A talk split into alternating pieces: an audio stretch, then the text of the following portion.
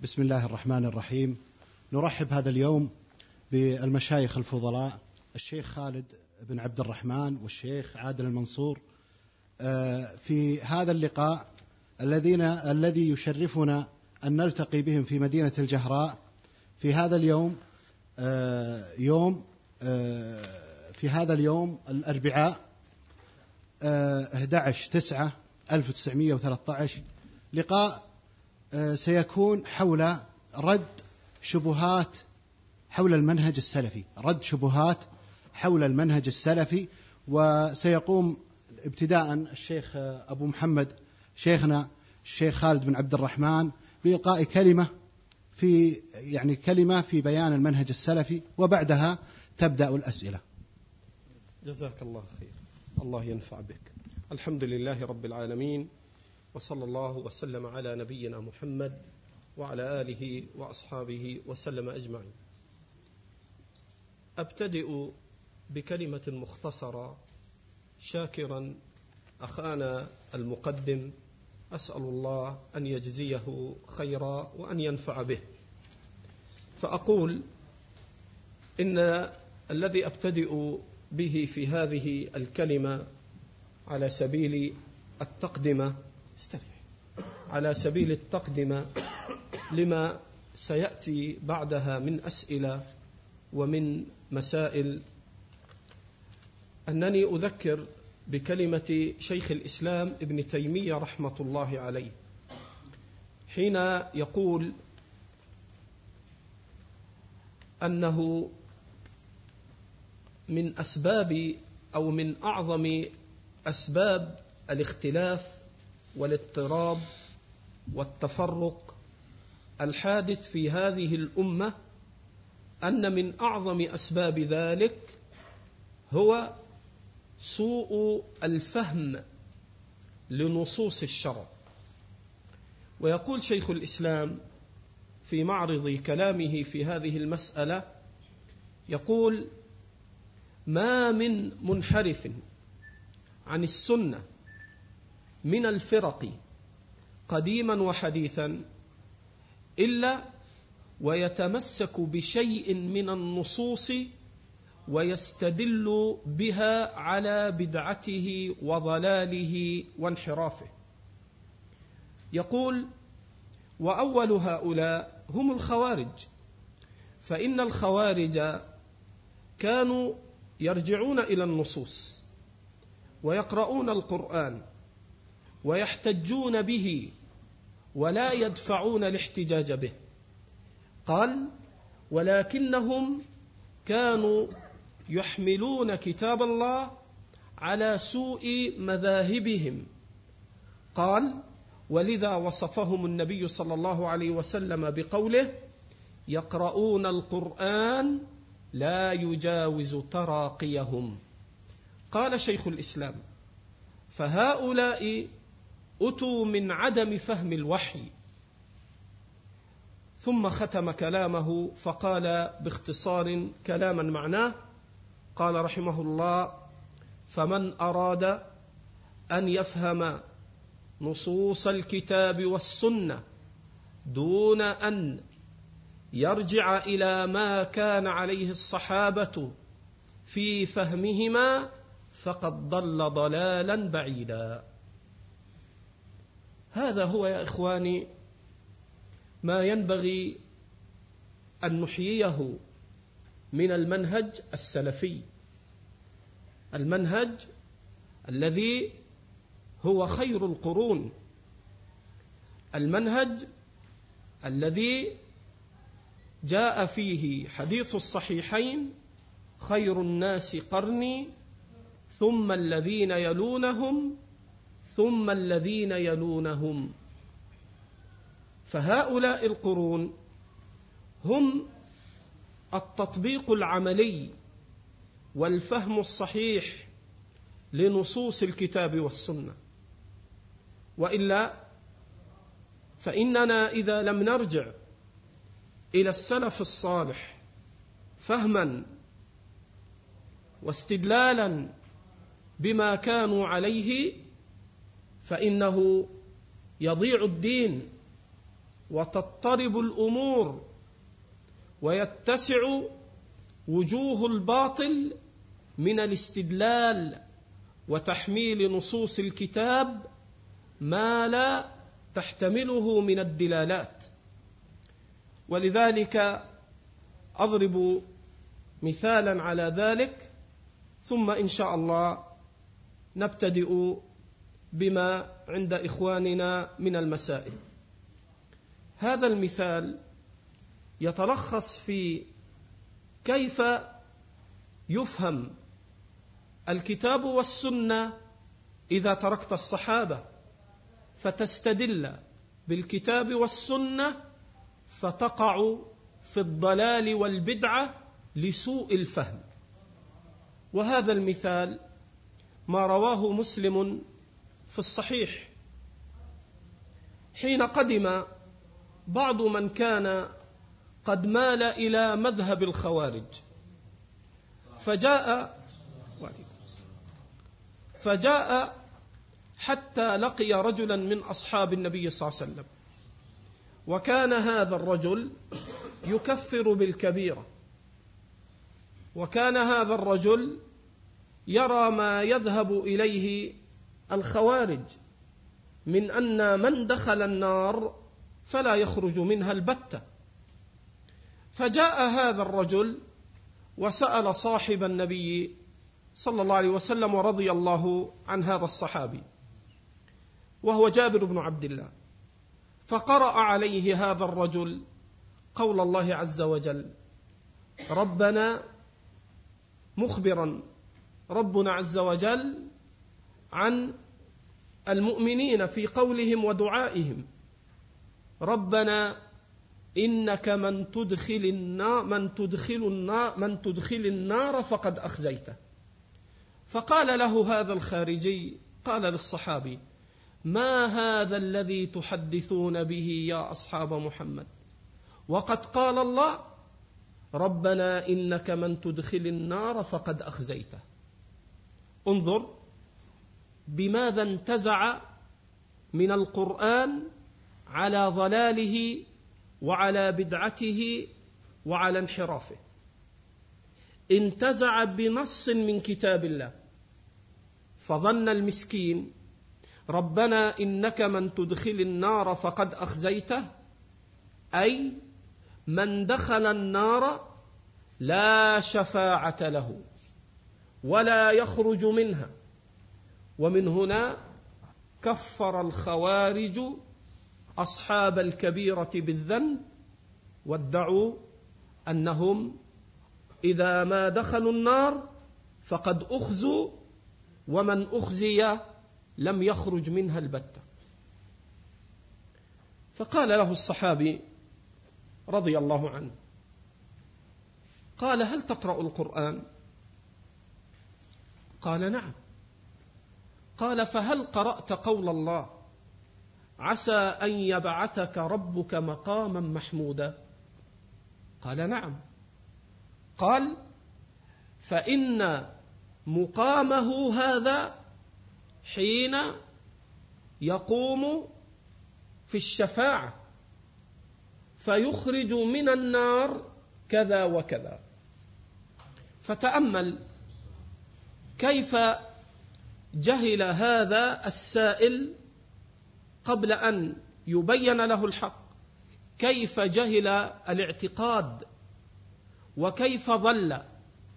ضل وانحرف مع أنه متمسك بالقرآن ومستدل على ضلاله بالقرآن ولكنه جهل لأنه لم يفهم القرآن بفهم الصحابة رضي الله عنهم لم يفهم القرآن بفهم القرآن بالنصوص الأخر لم يفهم القرآن بالسنة. فصار استدلاله بالقرآن بسبب انحرافه عن اتباع الصحابة صار هذا مؤديا له أن يحمل القرآن الضلال والبدع. لذلك أريني أو أرني مبتدعا في الدنيا لا يستدل على بدعته بالقرآن. ائتي بأي مبتدع قديما وحديثا ومن مضى ومن سيأتي إلا وهو مستدل على ضلاله بالقرآن. لكن من أين أوتوا؟ من عدم اتباع السلف. وتأمل حين كفر الخوارج المسلمين واستدلوا بالقرآن. بلى من كسب سيئة وأحاطت به خطيئته فأولئك أصحاب النار هم فيها خالدون. فقال الخوارج كل مرتكب سيئة فقد أحاطت به خطيئته فهو كافر. ونزعوا إلى تكفير المسلمين بالقرآن. فمن الجهالة أن يسأل المستدل عن بدعته وضلاله بالنص ولا يسأل عن فهم الصحابة والسلف. لذلك أختم هذا بما قال شيخ الإسلام ابن تيمية قال رحمه الله وكان أحمد يعني الإمام أحمد بن حنبل قال وكان أحمد يشدد في أن يتكلم الرجل بما لم يسبق إليه. وكان يقول لأبي الحسن الميموني إياك أن تتكلم في مسألة ليس لك فيها إمام. لذلك الحاصل من هذا أن الذي يعصم العبد من أن يقع في الانحراف والبدع والضلال هو أن يتمسك بالكتاب والسنة على فهم السلف الصالح وعلى رأسهم أصحاب النبي عليه الصلاة والسلام ورضي الله عنهم. وهذه كلمة أحببت أن أقدمها كما رغب أخونا فجزاه الله خيرا نعم خير إن شاء الله تكون بس حددوا لي خمس دقائق أو سبع ما شئتم ثمان بارك الله فيك جزاك الله خير حياكم الله جميعا. وأسأل الله أن يرزقنا وإياكم الفقه في الدين.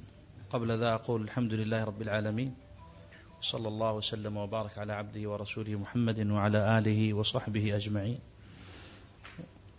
أما بعد فيقول النبي صلى الله عليه وعلى آله وسلم كما في حديث أبي هريرة عند النساء وغيره لا يشكر الله من لا يشكر الناس.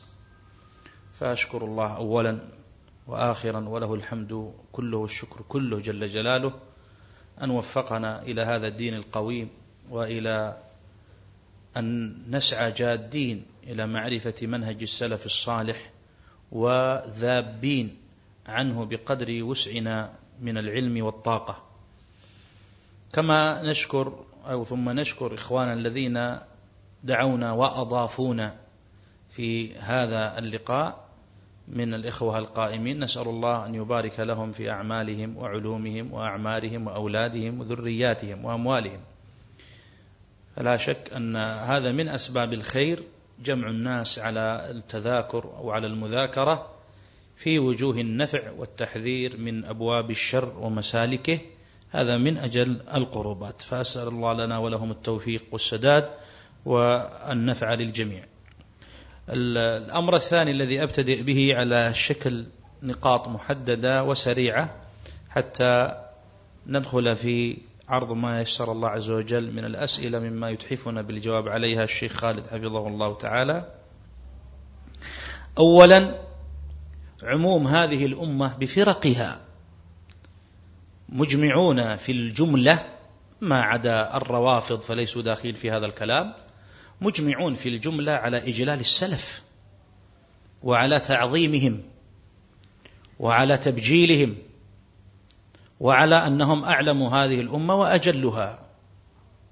هذا من حيث الجملة. وعليه قال شيخ الإسلام ابن تيمية رحمه الله تعالى لا عيب على من انتسب إلى منهج السلف الصالح فإن منهج السلف الصالح لا يكون إلا حقا. ثم بعد ذلك ينظر. هذا تتمة كلام شيخ الإسلام بمعناه ثم بعد ذلك ينظر. فإن كان متبعا لهم ظاهرا وباطنا وإلا كان كالمنافقين الذين يظهرون الاتباع للإسلام وليسوا كذلك. فأفادنا هذا الكلام المختصر من شيخ الإسلام ابن تيمية أن هناك منهج السلف وهناك منتسبين لمنهج السلف. وأن هؤلاء المنتسبين لمنهج السلف منهم من هو صادق في انتسابه ظاهرا وباطنا ومنهم من انتسابه غير صحيح. فمن الخطأ أن نجتزئ الجملة الأولى من كلامه رحمه الله وندندن بها في المجالس واللقاءات حتى نحوي ونحتوي ونضم وننضم إلى كل من ادعى السلفية إذ لا عيب في الانتساب. فهناك المنهج السلفي حق. لا شك فيه ولا ريب. وما خالف منهج السلف الصالح فهو ضلال. وعموم فرق الأمة من حيث الجملة مجمعة على إجلال السلف وتقدمهم وفضلهم وعلى شرف الانتساب إليهم وعلى أنهم هم حملة الحق والدين.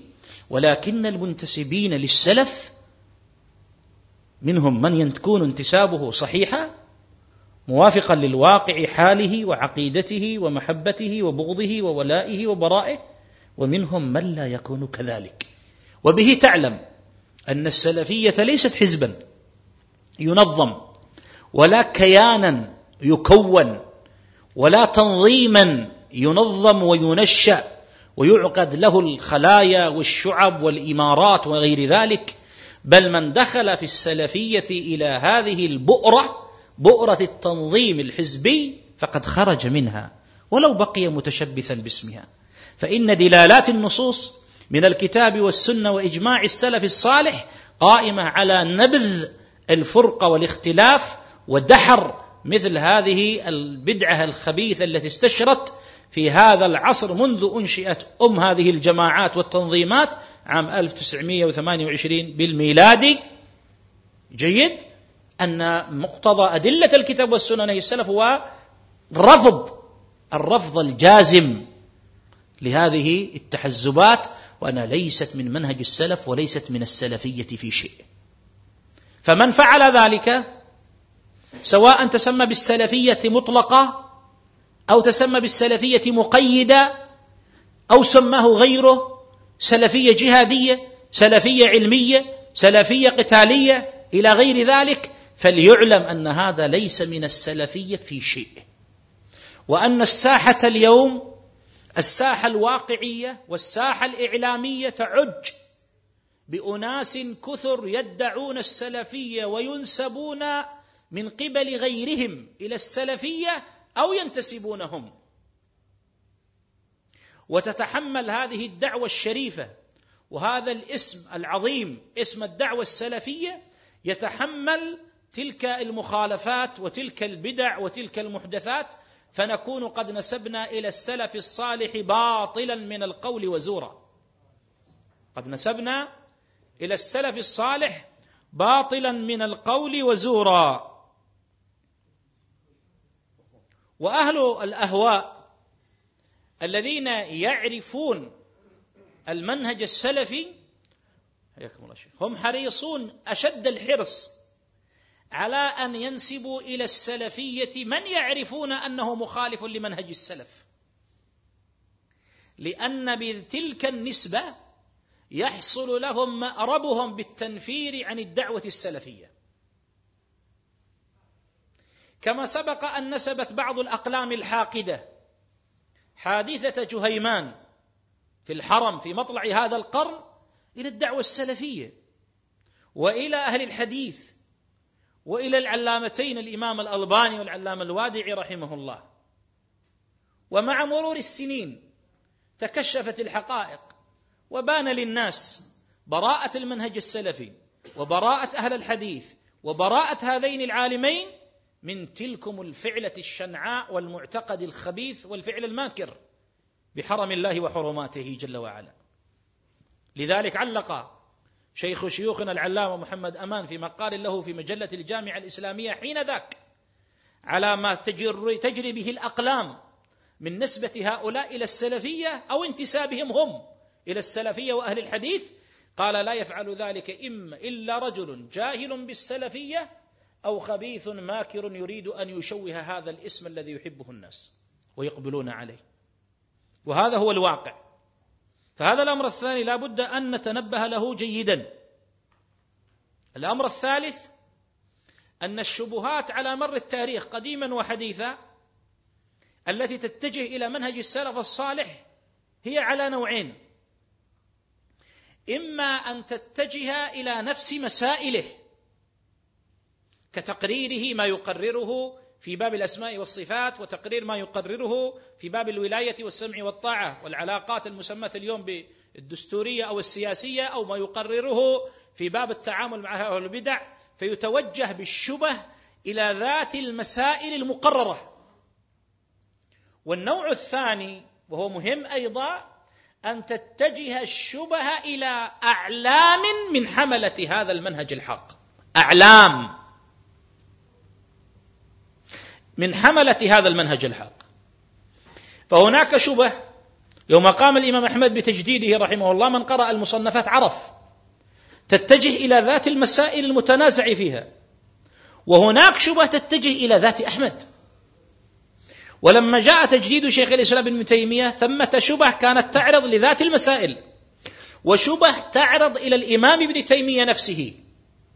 ولذلك من تأمل الصارم المنكي في الرد على السبكي للحافظ بن عبد الهادي رحمه الله يجده بحث الشبه المتعلقه بعين المسألة في الزيارة والقبور وتعظيمها ولكنه في أوائلها بحث مسألة الذب عن ابن تيمية وما ينسبون إليه من باطل القول وزوره في مسألة الزيارة.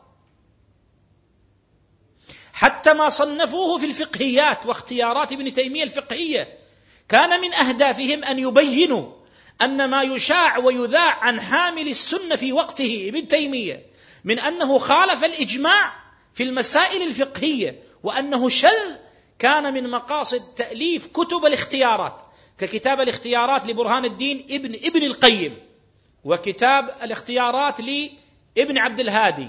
أن يرتبوا المسائل من ضمنها مسائل قال بها شيخ الإسلام ادعى مخالفوه أنه فيها خالف الإجماع وليس في المسألة إجماع. فكان من الذب عن الحق ودفع الشبه عنه أن يدفع الشبه عن أعلامه. ليس فقط مجرد حملته أو معتقديه بل أعلامه الذين صرحوا ونافحوا وكافحوا في الدعوة إليه. وهكذا إذا جئنا إلى شيخ الإسلام محمد بن عبد الوهاب ودعاوى خصومه ومناوئيه وأعدائه هل تركزت فقط على عين المسائل أو اتجهت أيضا إلى شخصه؟ اتجهت إلى شخصه. فمن قائلين أنه يدعي النبوة ومن قائلين أنه يأمر بحفر قبر رسول الله ونقله. فاشاعوا الشائعات والأكاذيب الكثيرة المتعلقة حول شخصه هو. فصنف من ذلك صنفت في ذلك الكتب والمؤلفات سواء من حيث عموم دعوته أو من حيث خصوصها كما صنف العلامة عبد اللطيف رحمه الله مصباح الظلام. في الرد على من كذب على الشيخ الإمام وزعم أنه يكفر أهل الإيمان والإسلام. فإذا الرد أو الشبه إما أن تعرض إلى عين المسائل وإما أن تعرض الشبه والدعايات والأكاذيب إلى حملة اللواء إلى حملة الحق. وإلى اليوم توجد أمم تعيش على شبه متعلقة بشخص الشيخ محمد بن عبد الوهاب. وأمم اليوم في هذا العصر تعيش تعيش على شبه متعلقة بدعوة أو بذوات ومذاهب أعلام وحمله هذه الدعوة المعاصرة اليوم الذين جددوا لنا دي للناس دينهم كالإمام الألباني، الإمام ابن باز والعلامة الكبير محمد أمان، العلامه الشيخ ربيع، العلامة الشيخ عبيد وغيرهم من إخوانهم وتلامذتهم. فبث الشبه أو استشباه أو الأكاذيب أو الدعايات إما أن يكون على عين المسألة وإما أن يكون على حملتها. هذه يعني أربع نقاط أحببت أن أتكلم عليها سريعا ولعل بعض النقاط أيضا تأتي من خلال الأسئلة وشكرا لعلي اكتفيت بالخمس دقائق أو الثمان أنا حددت لي حد أقصى وحد أعلى عشان لا امسك جزاك الله خير شيخ. نعم جزا الله خيرا الشيخين الفاضلين.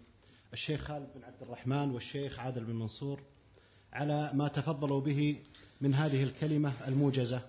ولا يفوتنا أن نرحب بشيخنا الشيخ أبو عثمان محمد العنجري حضوره هذا اليوم. ونبدأ الآن في أرض بعض الشبه التي تدور حول المنهج السلفي ونذكر منها هذه المسائل. المسألة الأولى أن السلفيون يتعصبون لبعض مشايخهم كالشيخ ربيع والشيخ عبيد الجابري.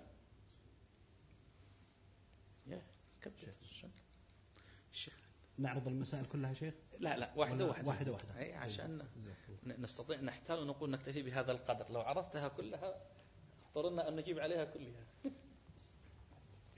لا لا عندك. ما يلا بسم الله.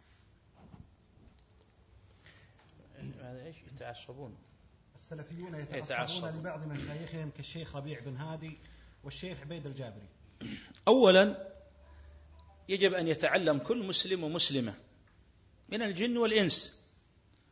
أنه لا يقبل دعوى ولا قول إلا مثبتة ببرهانها.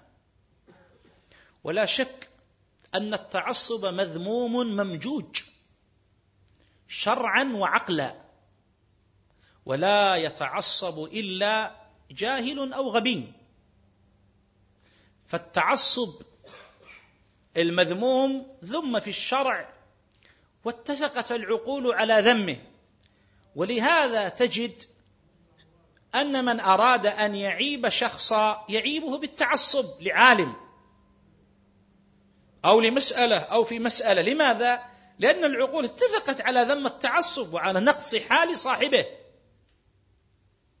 ولكن من رمى غيره بهذه التهمة وبهذا القول لا بد أن يأتي ببرهانه. وهذا هؤلاء لهم سنون. يصفون السلفيين بأنهم يتعصبون لمشايخهم. ولم نرهم ساقوا لنا دليلا واقعيا مقررا بأنه تعصب عند أهل العلم حتى نذمه.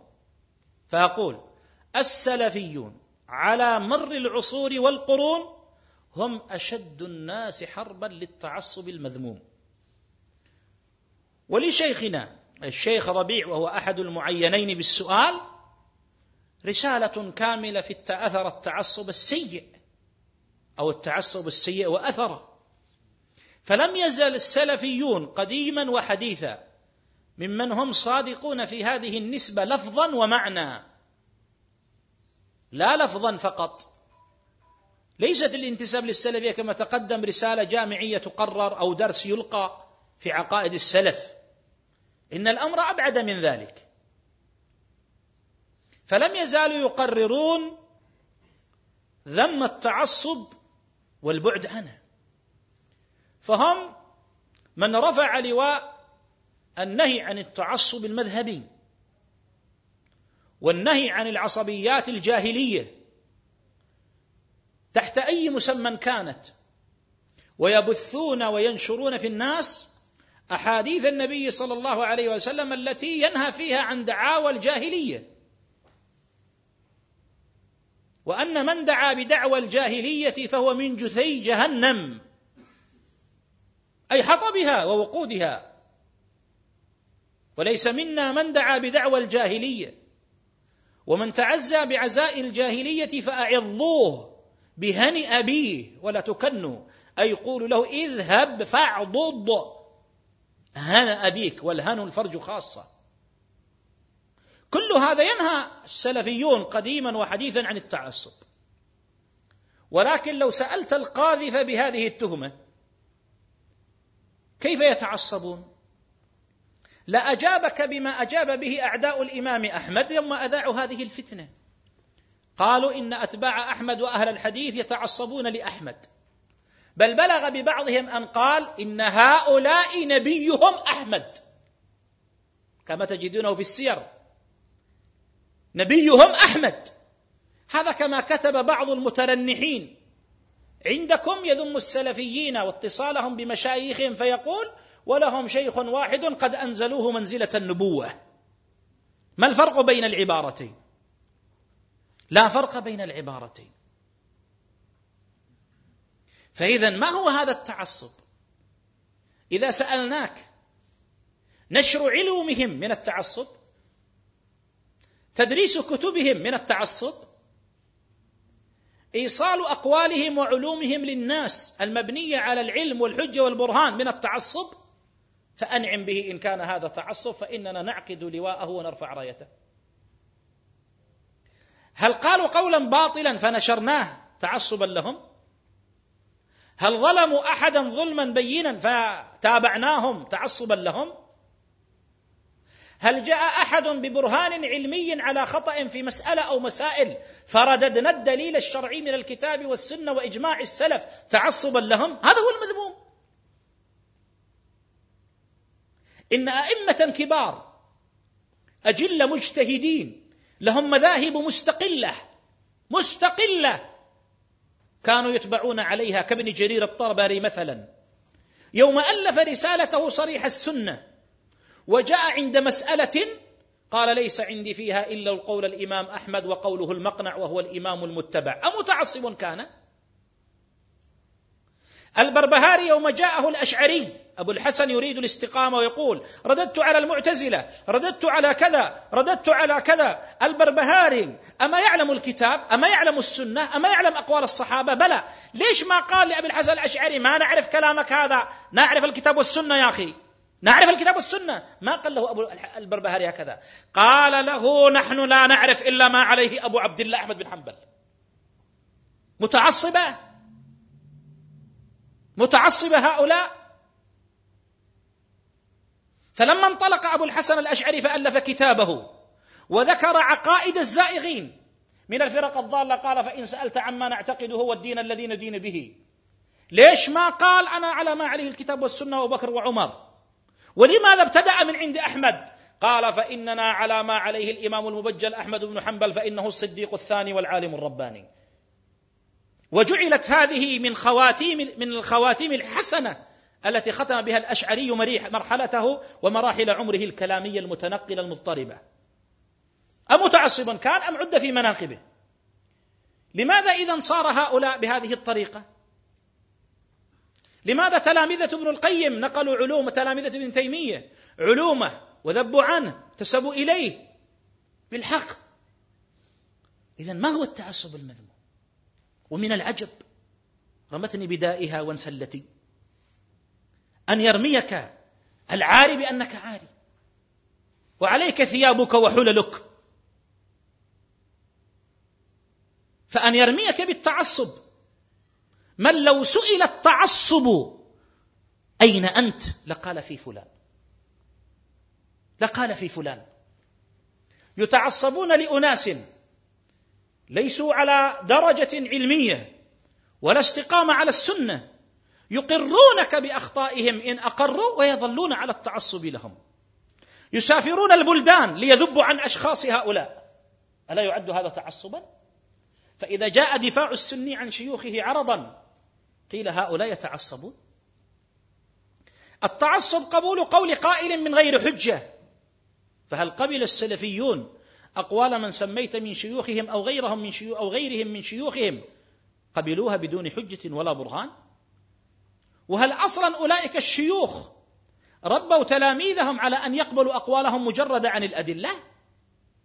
ما أحرقكم في كلام هؤلاء العلماء إلا ذكر أدلتهم عليكم في كلامهم. ووالله لو تكلموا بكلام مجرد دون ذكر أدلة لفرحوا به ولا نشروه والله ينشرونه. ليش يقول لك شوف ها شوف ماذا قال علينا ولا ذكر دليل ولا حاجة شوف بالله كيف. وهذو السلفيين يتبعونه. لكنهم يعلمون أن شيوخنا قد تركوا قد سدوا هذا الباب فلا يجرحون شخصا ولا يتكلمون في مسألة إلا يذكرون عنه الدليل بالكتاب والشريط والتأريخ والمحاضرة والتغريدة. لأنه وصلنا إلى عهد التغريدة في تويتر. ويصورون التغريدة. ويصور للمتعصب تغريدة شيخه فيقول معروف عنكم يا السلفيين يا الجامي أنكم تبترون. تغريدة. أبتروا عقلك إلى هذه الدرجة؟ أبتروا فيك الوعي والرجولة والعقل وسجنوك في زنزانة التعصب الذميم لدرجة أننا بترنا صورة تغريدته؟ تغريدة الرجل بحسابه وصورته وكلماته المئة والأربعين حرف. فقال تبترون. ليش؟ لأنه مبرمج على هذه اللفظة. مبرمج على هذه اللفظة. فلو أتيته بشيخه يتكلم لقال تبترون. خلاص برمج على هذا. إذا دعاوى ليس عليها برهان ولا دليل. وهكذا وصف أتباع الإمام محمد عبد الوهاب يصدرون عن قوله وعن رأيه ويرجعون إلى ما أقواله فوصفوهم بالتعصب. ثم لو كانوا صادقين في حرب التعصب أين جهودهم في حرب تعصب الروافض لأئمتهم؟ أين جهودهم في حرب الطرقية لشيوخهم وطرقهم؟ أين جهودهم في حرب تعصب الأحزاب لأحزابهم والتنظيمات لتنظيماتهم؟ لا شيء.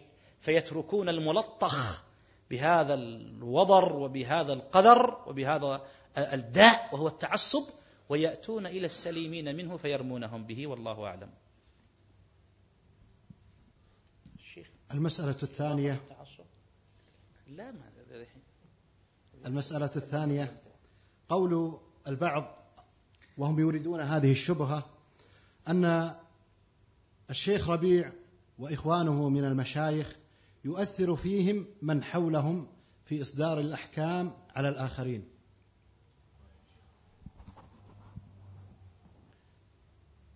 أقول آه، ما أشبه الليلة الليلة بالبارحة. غير بارد. وهذا السؤال يذكرني بما ذكر الحافظ الذهبي في سير أعلام النبلاء. حين نقل الحافظ الذهبي رحمه الله عن بعض الأئمة لعله عبد الوهاب الوراق أو غيره. المقصود أن هذا الإمام سئل فقيل له لو أن أناسا تكلموا في أبي بكر المروذي وفلان من أصحاب أحمد أما كان البعد عنهم أفضل؟ فقال نعم. من تكلم في أصحاب أحمد فهو يتكلم عن خبيئة سوء فاتهمه ثم قال وهنا موضع الشاهد. قال وإنما أراد أحمد. وإنما أراد أحمد.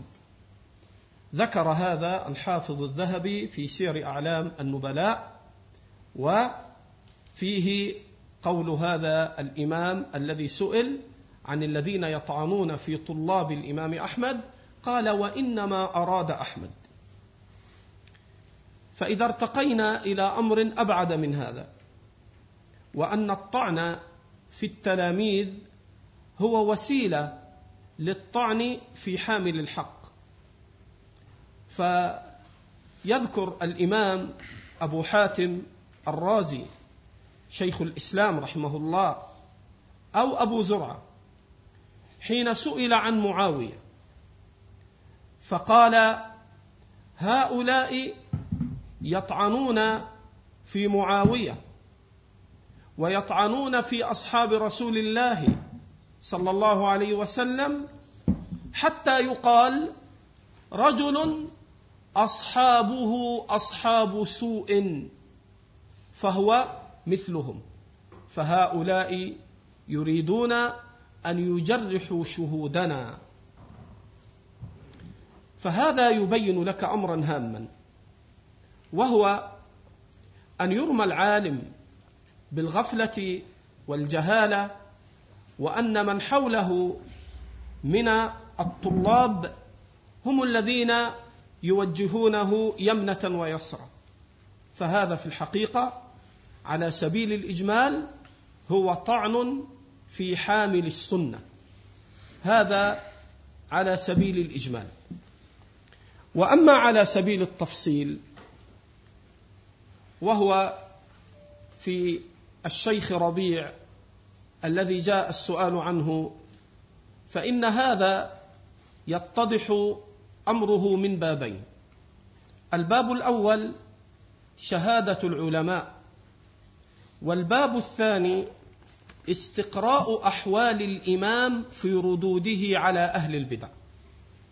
فيضبط لك المسألة هذان البابان.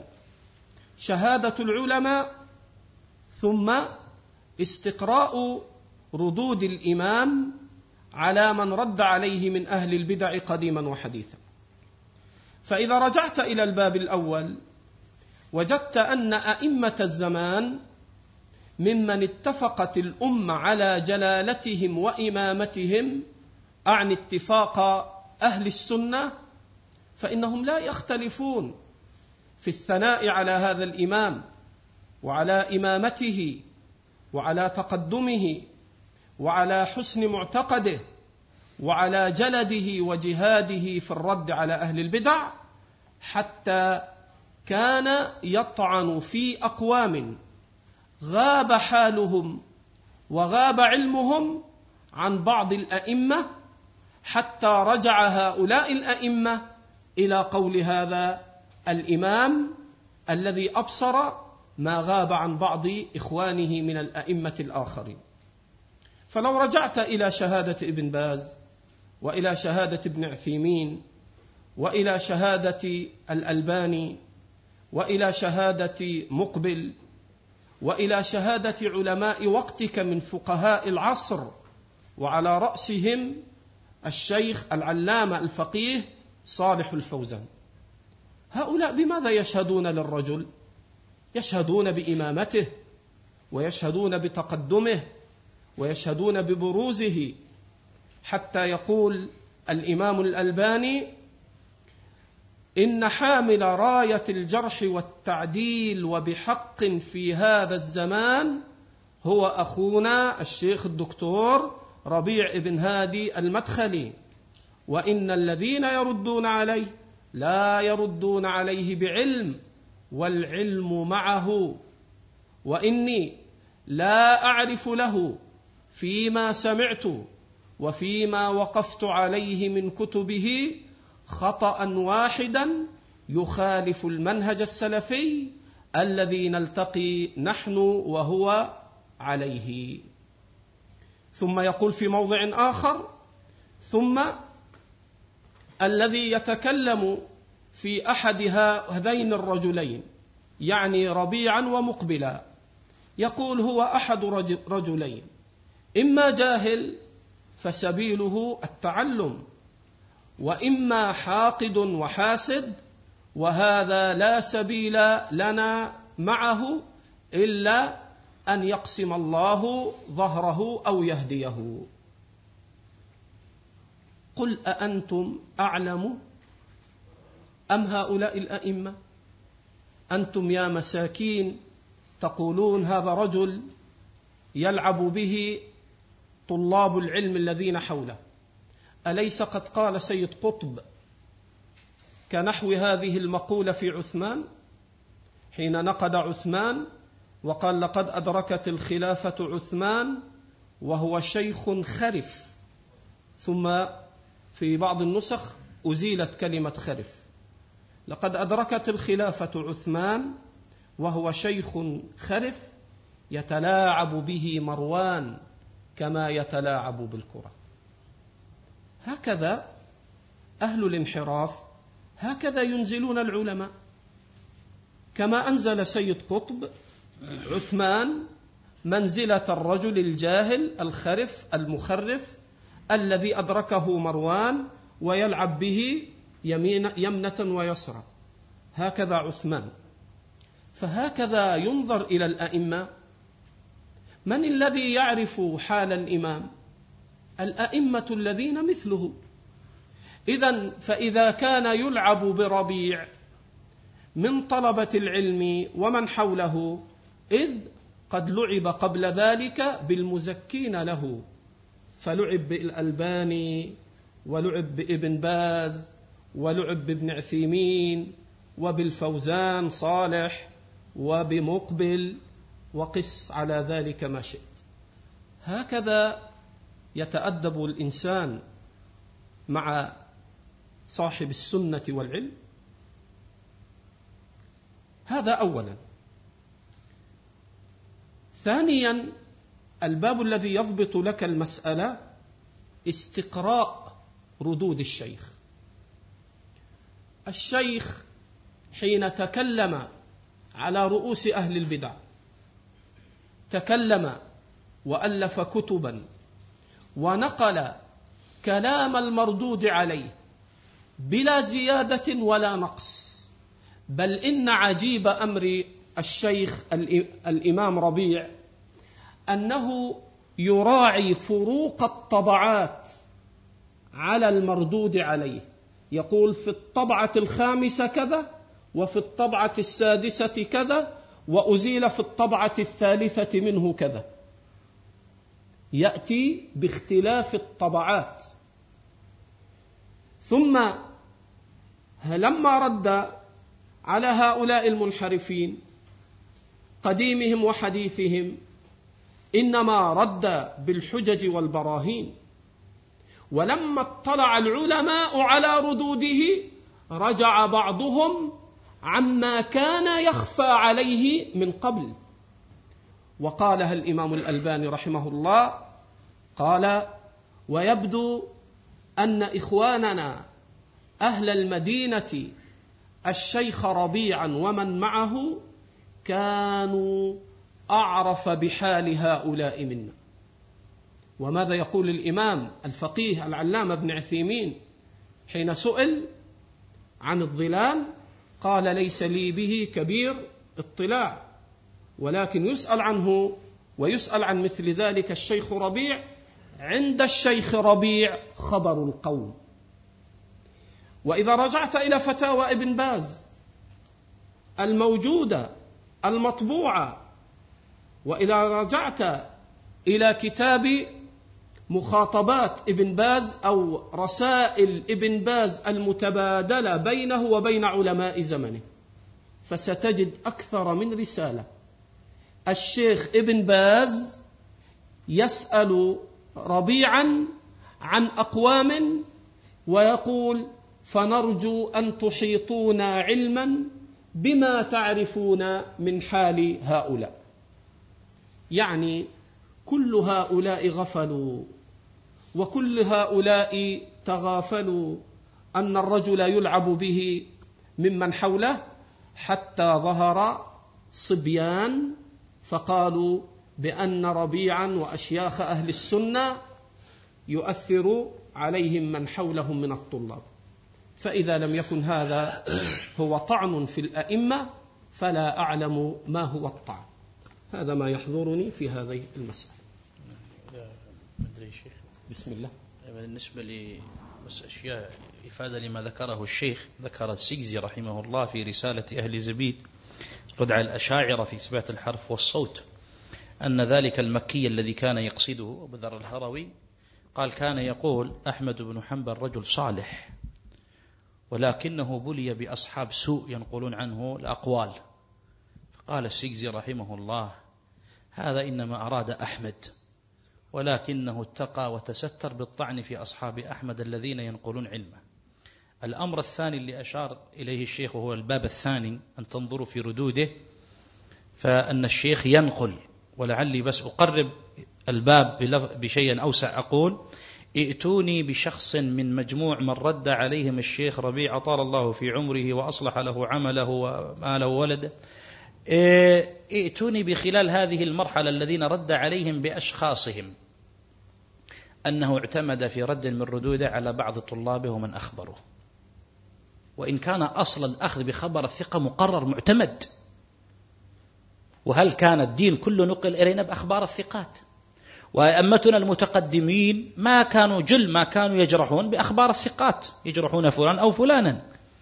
ولكن مع ذلك الشيخ ترك هذه هذا المسلك الجائز واتجه مباشرة إلى أنه لم ينقد أحدا في كتاب مطبوع ولم يحذر من أحد إلا بشيء مزبور كاتبه ويوزعه مجانا أو يوزعه أتباعه ويبيعونه. هذه النقطة اللي أراد الشيخ أن يلفت نظرنا إليها وهو أن ائتونا بمثال دعوا الكلام العمومات هذه دعوا هذا الظلم.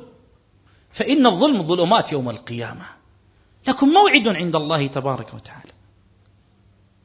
لن تنفعكم أحزابكم ولا جماهيركم ولا جماعاتكم ولا جمعياتكم ولا أموالكم. والله ما تنفعكم عند الله عز وجل. وقد جئتم تحملون أوزار أهل العلم بظلمهم وافترائه والافتراء عليهم. ائتنا بواحد واحد. من سيد قطب إلى عبد الرحمن عبد الخالق إلى علي حسن إلى إبراهيم الرحيلي إلى أي شخص؟ خصصه الشيخ ربيع بكتاب. ائتنا أنه بنى رده على قل لي فلان وأخبرني فلان. يلا. واحد بس. كله من الكتب اللي يوزعونها مجان وتطبع وتشرح عندكم في الكويت. كتب توزع. ما تمشي من بعيد. ما اعتمد على نقل ثقة. وإن كان الاعتماد على نقل الثقة الصحيح الثقة معروف ولهذا الذين سلكوا هذا المسلك أين نهاياتهم؟ يوم تكلم الشيخ ربيع والمشايخ في أبي الحسن المأربي المصري. ماذا قال أسامة القوصي حينها؟ غضبا لأبي الحسن ثم وده غضب إلى حالة أعوذ بالله نسأل الله حسن الختام. قال هؤلاء الذين حول المشايخ الشيخ ربيع اللي حول هؤلاء أتباع ذوي الخويصرة. جيد؟ نحن لا ننكر بل نؤمن ونعتقد بحديث رسول الله صلى الله عليه وسلم إن ما من نبي ابتعثه الله ولا ملك إلا كانت له بطانتان. بطانة تحثه على الخير وتدعوه إليه وبطانة شر تدعوه إلى الشر. هذا نؤمن به الحديث النبوي. ولكن السؤال أين التعيين والتعيين على فلان وفلان أن بطانته شر وأنها أثرت عليه؟ الأثر يظهر في أقواله وأفعاله وكتبه فأروني واحدا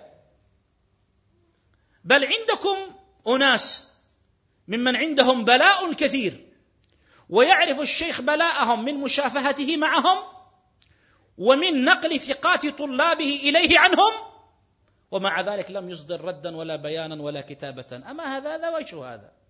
ما هذا؟ ما هذا؟ لو علم الذين يصدرون هذه التهمة لعلموا أن الشيخ ربيعا وإخوانه الشيخ عبيد والشيخ محمد بن هادي وغيرهم أنهم تبلغهم عن هؤلاء بأعيانهم من نقل الثقات أشياء كثيرة ولكنهم لا يبدون.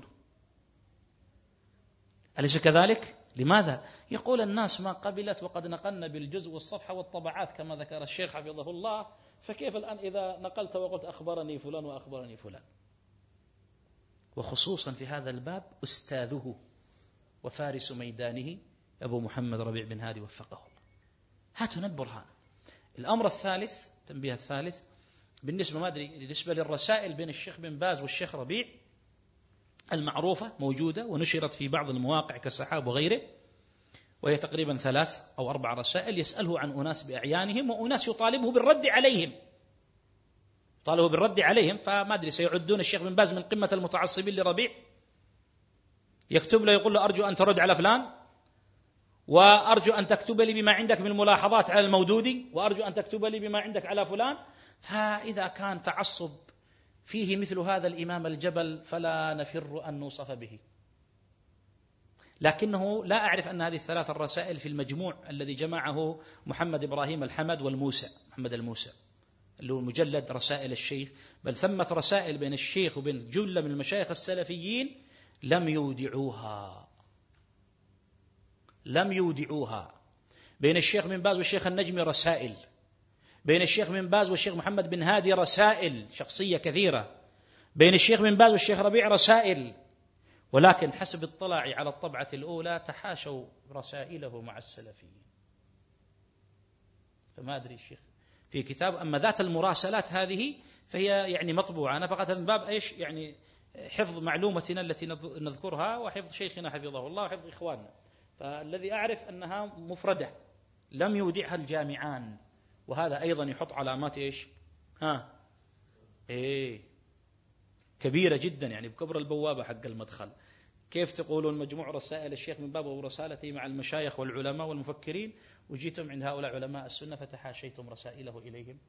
يعني كان يرسلها الشيخ سري. ها؟ ما أتوا بها. فهذا أمر هذا اللي أحببت أني ثلاثة ثلاث نقاط أحببت أن أنبه عليها. سم.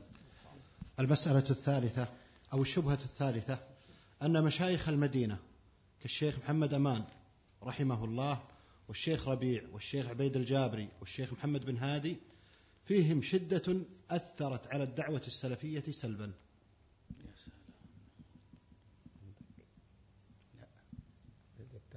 تمحهم ليل ونهار أنا في مصر لا لا لا لا لا لا ضحكوا لي أنهم ما قبلوا العذر. أنا أعرف. يعني أنت من أول تتكلم عن مين؟ والله عندك اسم الله. الله في كل شوفوا يعني الشبهة اللي سميناها شبهة لو جيتم تنظرون فيها ليست أمور نقلية. هم قد ينقلون بعض الأشياء من كلام شيوخنا وأئمتنا قديما وحديثا ولكن يتسم نقلهم بالبتر والتشويه. مثل اللي ينقلون عن الشيخ الألباني أشياء ويبترونها كصنائع الحدادية وقال الله واياكم شرهم ولا كثر الله أعدادهم ولا أفرادهم بينكم في هذه الديار ولا غيرها من ديار المسلمين. أو ينقلون عن الشيخ الألباني أو الشيخ بن باز والشيخ العثيمين والشيخ ربيع أو محمد بن عبد الوهاب أو غيره أو غيره. فقد ينقلون أشياء نقلية هذه تقول عنها شبهة يعني جايبين شيء من كتاب من شريط لكن يتعاملون معه بالبتر بالتغيير بحذف الدليل يعني من هذه الأشياء يمكن يفعلونها. لكن الآن ما زلنا في باب الادعاءات ما هو في باب الشبه النقلية. يعني كلها دعاوى وكل ينطق وما يلفظ من قول إلا لديه رقيب عتيد يا شيخ. كل ما يلفظ من قول إلا لديه رقيب عتيد. كل ينطق بما يشاء. والحساب عند الله تبارك وتعالى. يعني إرسال التهام بهذه الطريقة أمر سهل. أمر سهل جدا. سهل إنك تتكي وتسب من تشاء بالشدة ولا باللين ولا بالذا أو بغيره ويمكن تكفره ويمكن تبدع أمر ولكن الأمر بين يدي الله شديد. يعني بمعنى إلى الآن من خلال هذا العرض لبعض الشبهات أتوقع أيضا ما سيأتي باعتبار أني مطلع مسبقا على بعضها. ما في شبهة منقولة من كتب شيوخنا. نستطيع نقول هذا نقلته من كتاب كذا بترته نتعامل تعامل. أنت تتعامل مع غرف تحبك. غرف سياسية. تتعامل مع الدعوة والسلفية وشيوخها وشيوخها كما تتعامل مع خصمائها من الأحزاب السياسية الدنيوية. غرف تحبك إشاعة تحبك حاجة وشغل بهذه الطريقة والأكاذيب. نأتي إلى الشدة. يعني أنا سمعت هذا قديما من شخص وزارني في بيتي من هذول اللي طالعين باسم السلفية ويجيك منهم. على قول بعض العوام لك عليهم. يجيك منهم. ما تعرف ما تنكر. جيد. فيجاني في بيتي. يقول أنا الحمد لله. الحمد لله أني يوم اتجهت إلى السلفية لم أتجه إلى مشايخ المدينة. كان شدتهم نفرتني. متى اتجه إلى السلفية؟ يقول في حياة المشايخ كلهم. قال ولكن الله ألهمني فهداني فذهبت إلى مدينة كذا في السعودية والتقيت بها بشيخنا فلان فما جلسنا معه إلا نصف ساعة فخرجنا ونحن كلنا سلفيون وإلا جئنا من القصيم تكفيريين. يعني نصف ساعة ما شاء الله توظبت الماكينة كلها. إيش من سيارة هذه؟ إيش من مذهب هذا اللي غير جلده التكفيري يا أخي النبي صلى الله عليه وسلم يقول لا يدعو عرقا ولا مفصلا إلا دخله. إلا دخله. والمنتقل من الباطل لا يأمن أن تبقى فيه بقية. كما ذكر شيخ الإسلام محمد بن عبد الوهاب في مسائل التوحيد عند قصة ذات أنواط. وأنت ما شاء الله في نص ساعة انتقلت من مذهب كامل بشيوخه وشبهه وبلائه سنين. إلى المذهب السلفي بشيوخه ومسائله بنص ساعة. نسأل الله العافية. ليش ماذا قال الشدة؟ فإذا يزعمون أن الشدة الموجودة عند مشايخ المدينة أفسدت من ناحيتين. من ناحية التنفير عن المخالف لا يقبل على الدعوة. ومن ناحية إيش؟ ها من ناحية التحذير من المخالف أو المخالف ما يقبل على الدعوة. وبعضهم يقول ومن ناحية أن الشدة أثرت وفرقت في السلفيين أنفسهم. فرقت الدعوة السلفية شدة ربيع. الأمر الأول نقول الشدة بمعنى الزيادة عن الحد المشروع مذمومة شرعا ومنبوذة عقلا وطبعا وذوقا. ترفض وتنبذ الشخص المتشدد. الأمر الثاني من كان متشددا فعلا ما يطاق العيش معه ولا الجلوس ولا الصبر عليه. فكيف هذا مع الأثر الواضح لدعوة هؤلاء؟ التي أقبلت الناس ما عاشرهم إنسان إلا أحبهم. وأحب ما يدعون إليه. ولا قابلهم إنسان إلا أحبهم وأحب ما يدعون إليه. فلو كانوا شديدين كما يزعمون الشدة المذمومة لنفروا الناس عنهم فعلا. أما كونه هو نفر لمرض عنده ولشبهة عنده ولبدعة بقيت راسبة في دمه وفي فكره وفي تصوره فهذا البلاء منه ما من ليس من الأشياخ. الأمر الثالث أن هناك شدة خلقية في طبيعة الرجل يكون فيه حدة خلقية. فيشغبون وينفرون عن علماء السنة إن وجدوا في واحد من في خلقته طبيعته هكذا. حدة تعتريه. أما نفروا عن شيخ الإسلام قالوا لأنه كان فيه حدة تعتريه وخصوصا عند النقاش. أما انقلب أبو حيان ضد ابن تيمية بعد أن مدحه بقصائد ومدح عظيم. أما انقلب بسبب أن ابن تيمية حد له في العبارة. أنا أقول شدة ابن تيمية. ابن تيمية كان متشددا. ونعطي هذا الوصف على وجه الذم. الوجه الرابع. أن الشدة في محلها علما وعملا ومن أهلها في أهلها. من أهل الأهواء البدع أن هذه منقبة ومحمدة. ولو جمعت من وصف بأنه شديد في معاملة أهل البدع ليس معنى أنه يظلمهم أو يتهمهم بما ليس فيهم. هذا مفتري مو شديد. هذا صاحب بهتان. ولو افترى على أهل البدع. هذا صاحب بهتان كذوب فجور في الخصومة. الفجور في الخصومة. ولو مع أهل الأهواء والبدع هذا من خصال النفاق. التي تلطخت بها الحدادية إلى أعلى رأسها. ما عند السلفيين هذا. ولا بد أن يفرق بين الدعوة السلفية وبين الطريقة والمسلك الحدادي البغيض الذي أعلن السلفيون قمعه وبراءتهم منه في حين سكت هؤلاء الذين يزعمون أنهم يحاربون الشدة والغلو. ولهذا لما أراد عبد الرحمن عبد الخالق أن ينسب محمود الحداد وافتراءاته وطريقته الخبيثة إلى المشايخ فند الشيخ ربيع هذه الاتهام في كتاب جماعة واحدة إلى جماعات وصراط واحد إلى عشرات وقال بل أنا أول من رد على هذا الرجل غلوه وانحرافه فارجعوا إلى هذا الكتاب. فهم يحرصون على أن يأخذوا النماذج السيئة المنحرفة عن الدعوة السلفية. سلفية جهادية سلفية قتالية سلفية حدادية فيحرصون على أن يبرزوا هذه النماذج. ثم يقول هؤلاء هم السلفيون هؤلاء هم ربيع أو هؤلاء هم الجامية أو هؤلاء هم الوهابية أو هؤلاء هم فيحرص الأعداء على إبراز هذه النماذج المنحرفة. إذا الوجه الرابع أن نقول إذا كانت الشدة من أهلها في أهلها فهذه محمدة ومنقبة وكتب التراجم والسير زاخرة بهذا.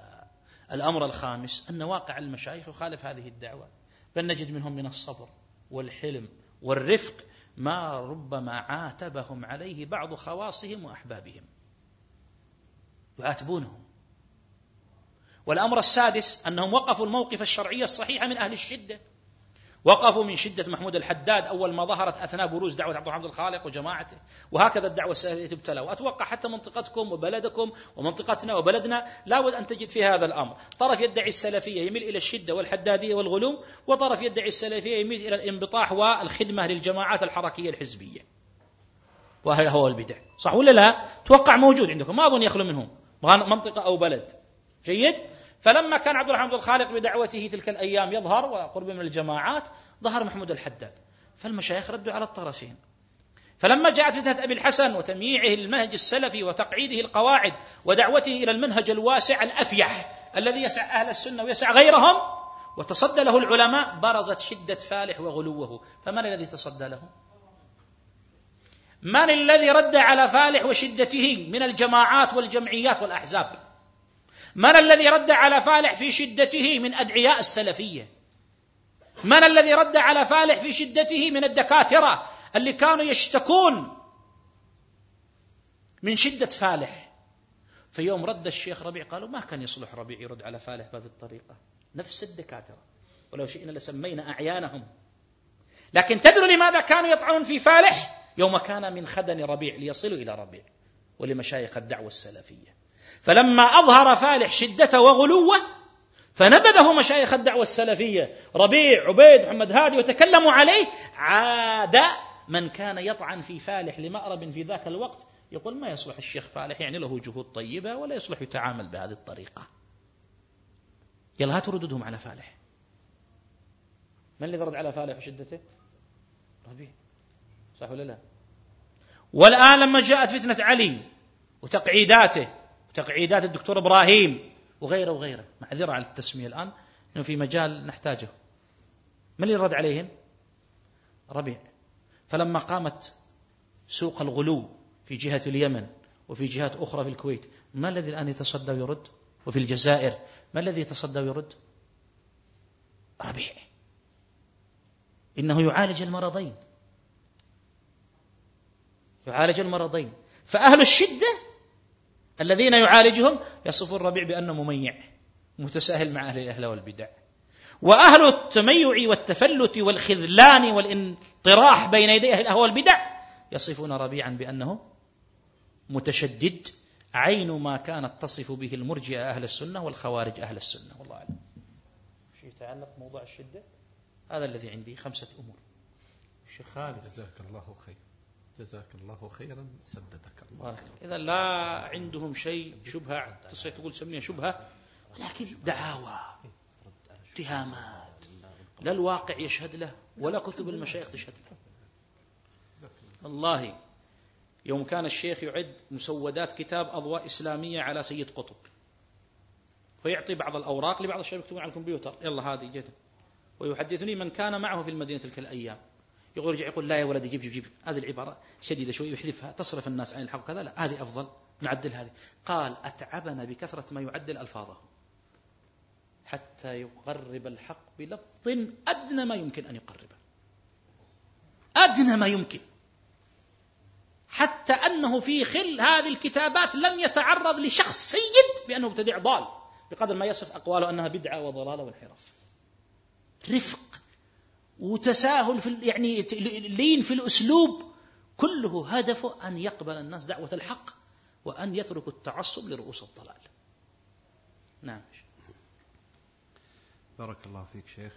المسألة الرابعة أن هؤلاء المشايخ وطلابهم ما تركوا أحدا من أهل العلم والدعوة ما تركوا أحدا إلا جرحوه وتكلموا عنه. حوالينا ولا علينا. ما يجي صراحة. ما أدري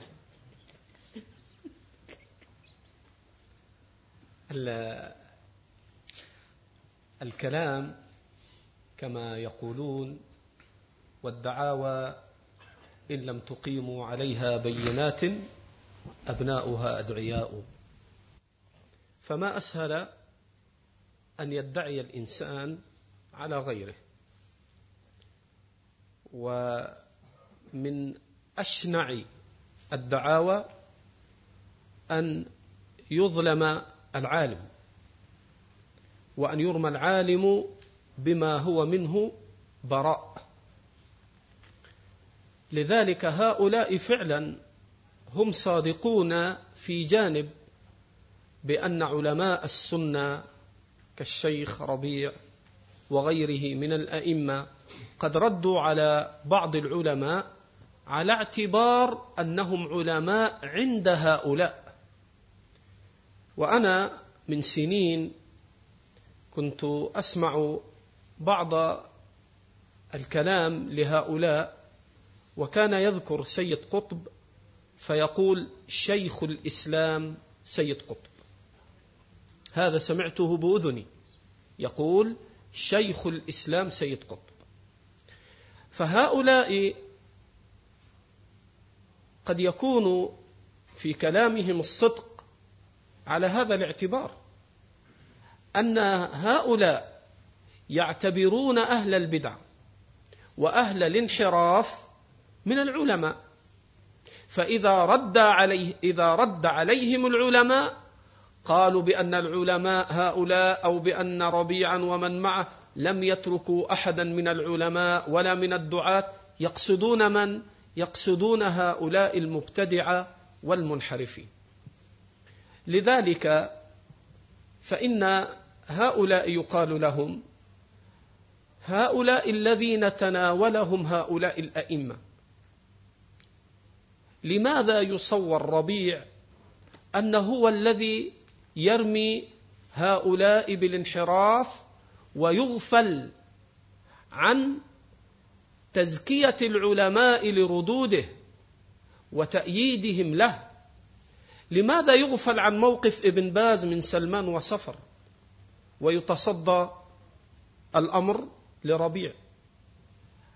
أليس ابن باز في فتاويه المسجلة في مجموعه وغيره وهيئة كبار العلماء هم الذين رأوا منع أشرطة سلمان وصفر وحذروا اتقاء للمجتمع هكذا من شرورهما وما في كتبهم من الشر وكذا وكذا. أليس ابن عثيمين هو الذي حذر من هؤلاء وقال لقد أظهرت لنا حرب الخليج أقواما كنا نحسن الظن بهم فلما وقعت حرب الخليج إذا هم على ما غير على غير ما كنا نحسب ونظن؟ أليس الألباني هذا الإمام هو الذي يقول كنت أقول في جماعة التبليغ قبل ثلاثين سنة صوفية عصرية وبدا لي الآن أن أقول في هؤلاء وكان الكلام حول سفر الحوالي في كتابه ظاهرة الفكر ظاهرة الإرجاء في الفكر الإسلامي. قال الألباني وبدا لي الآن أن أقول في هؤلاء خارجية عصرية. ربيع لما رد على سفر وسلمان ما قال هذه الكلمة ولا قال خارجية عصرية ولكن قالها الألباني.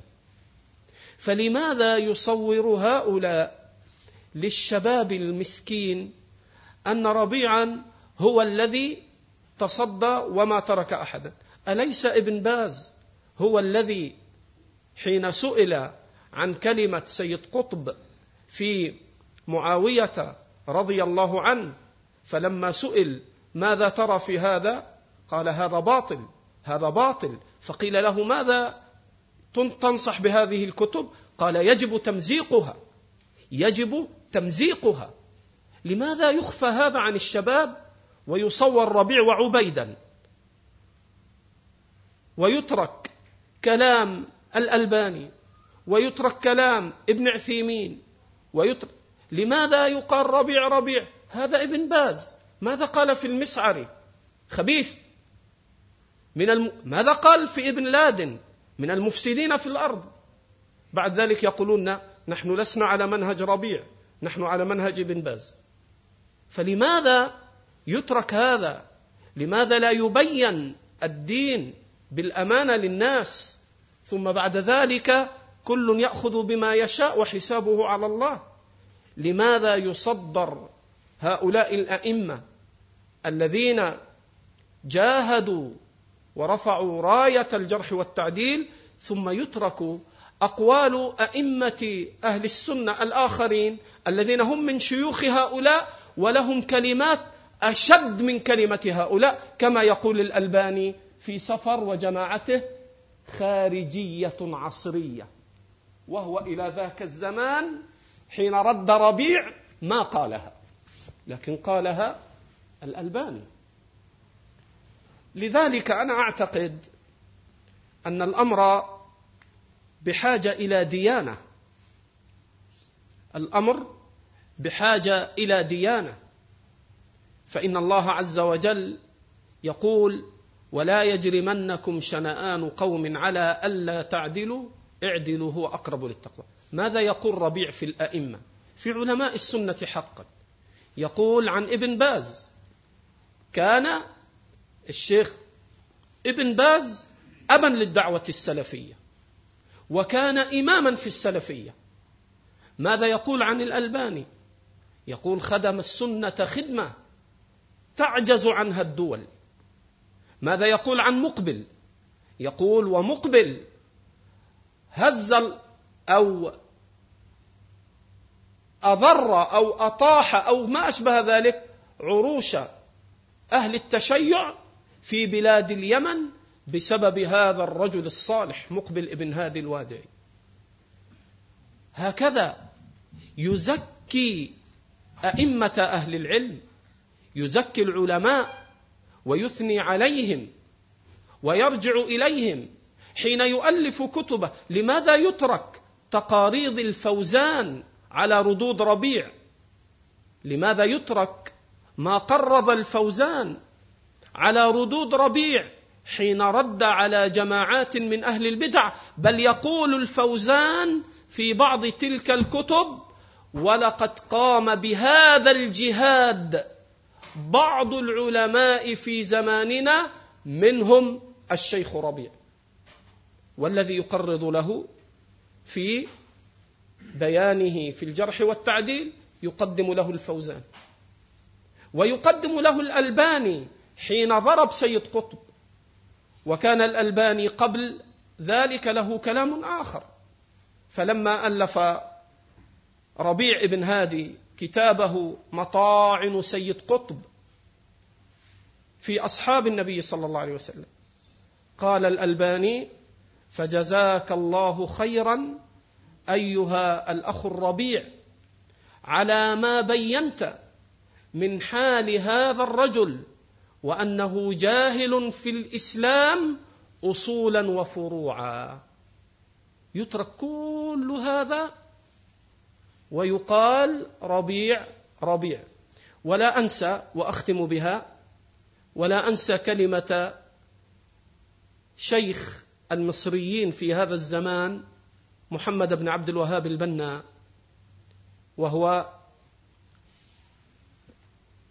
أستاذ للشيخ ربيع ولغيره واستفادوا واستفاد منه. قال لي يا ولدي لما تكلمنا بهذا قال يا ولدي ايتوني بواحد فقط. تكلم فيه ربيع بغير حق. ايتوني بواحد فقط. تكلم فيه ربيع بغير حق. لذلك هؤلاء الذين يلمزون ويطعنون في الأئمة ما أحوجهم إلى الديانة وإلى أن يتقوا الله وأن يتذكروا قول الله عز وجل ولا يجرمنكم شنآن قوم على ألا تعدلوا اعدلوا هو أقرب للتقوى. أنا ألحظ إذا أذنت لي أن هناك أسئلة تأتي من الإخوة غير الأسئلة المكتوبة عندك بالورقة فلو تنظرها وتفرزها لأن من حقهم علينا أن ننظر بعض أسئلتهم التي تحتاج لأنها تدل عما يريدونه أيضا وعما يسمعوه من شبهة لأن ليس الغرض الرد على كل شبهة قيلت ولكن الغرض الرد على ما يشاع مما هو ينتشر كثيرا. وإلا فلسنا حمالين شبه لإخواننا في كل موطن نذكر شبههم. لا ولكن ما قد ذيع وذكر من الشبه وكتب وانتشر ونحو ذلك فهذا الذي يعالج. وإخواننا المخاطبون قد يكونون يعني أقدر في هذا الباب. وأنا ما أدري يعني كم عدد الذين تكلم عليهم الشيخ ربيع والشيخ عبيد عندكم في الكويت منذ 35 سنة. عشان نقول ما تركوا أحد اللي تكلموا فيه بس نبدأ من الكويت. سبحان الله. وبعض الآن الشباب اللي طالعين بالسلفية يقول لك يا أخي كل ما طلع واحد كبتوه ما طلع واحد ضربتوه. هو العب فينا؟ والله هذا الكتاب وهذا السنة وهذا المنهج السلفي واقع.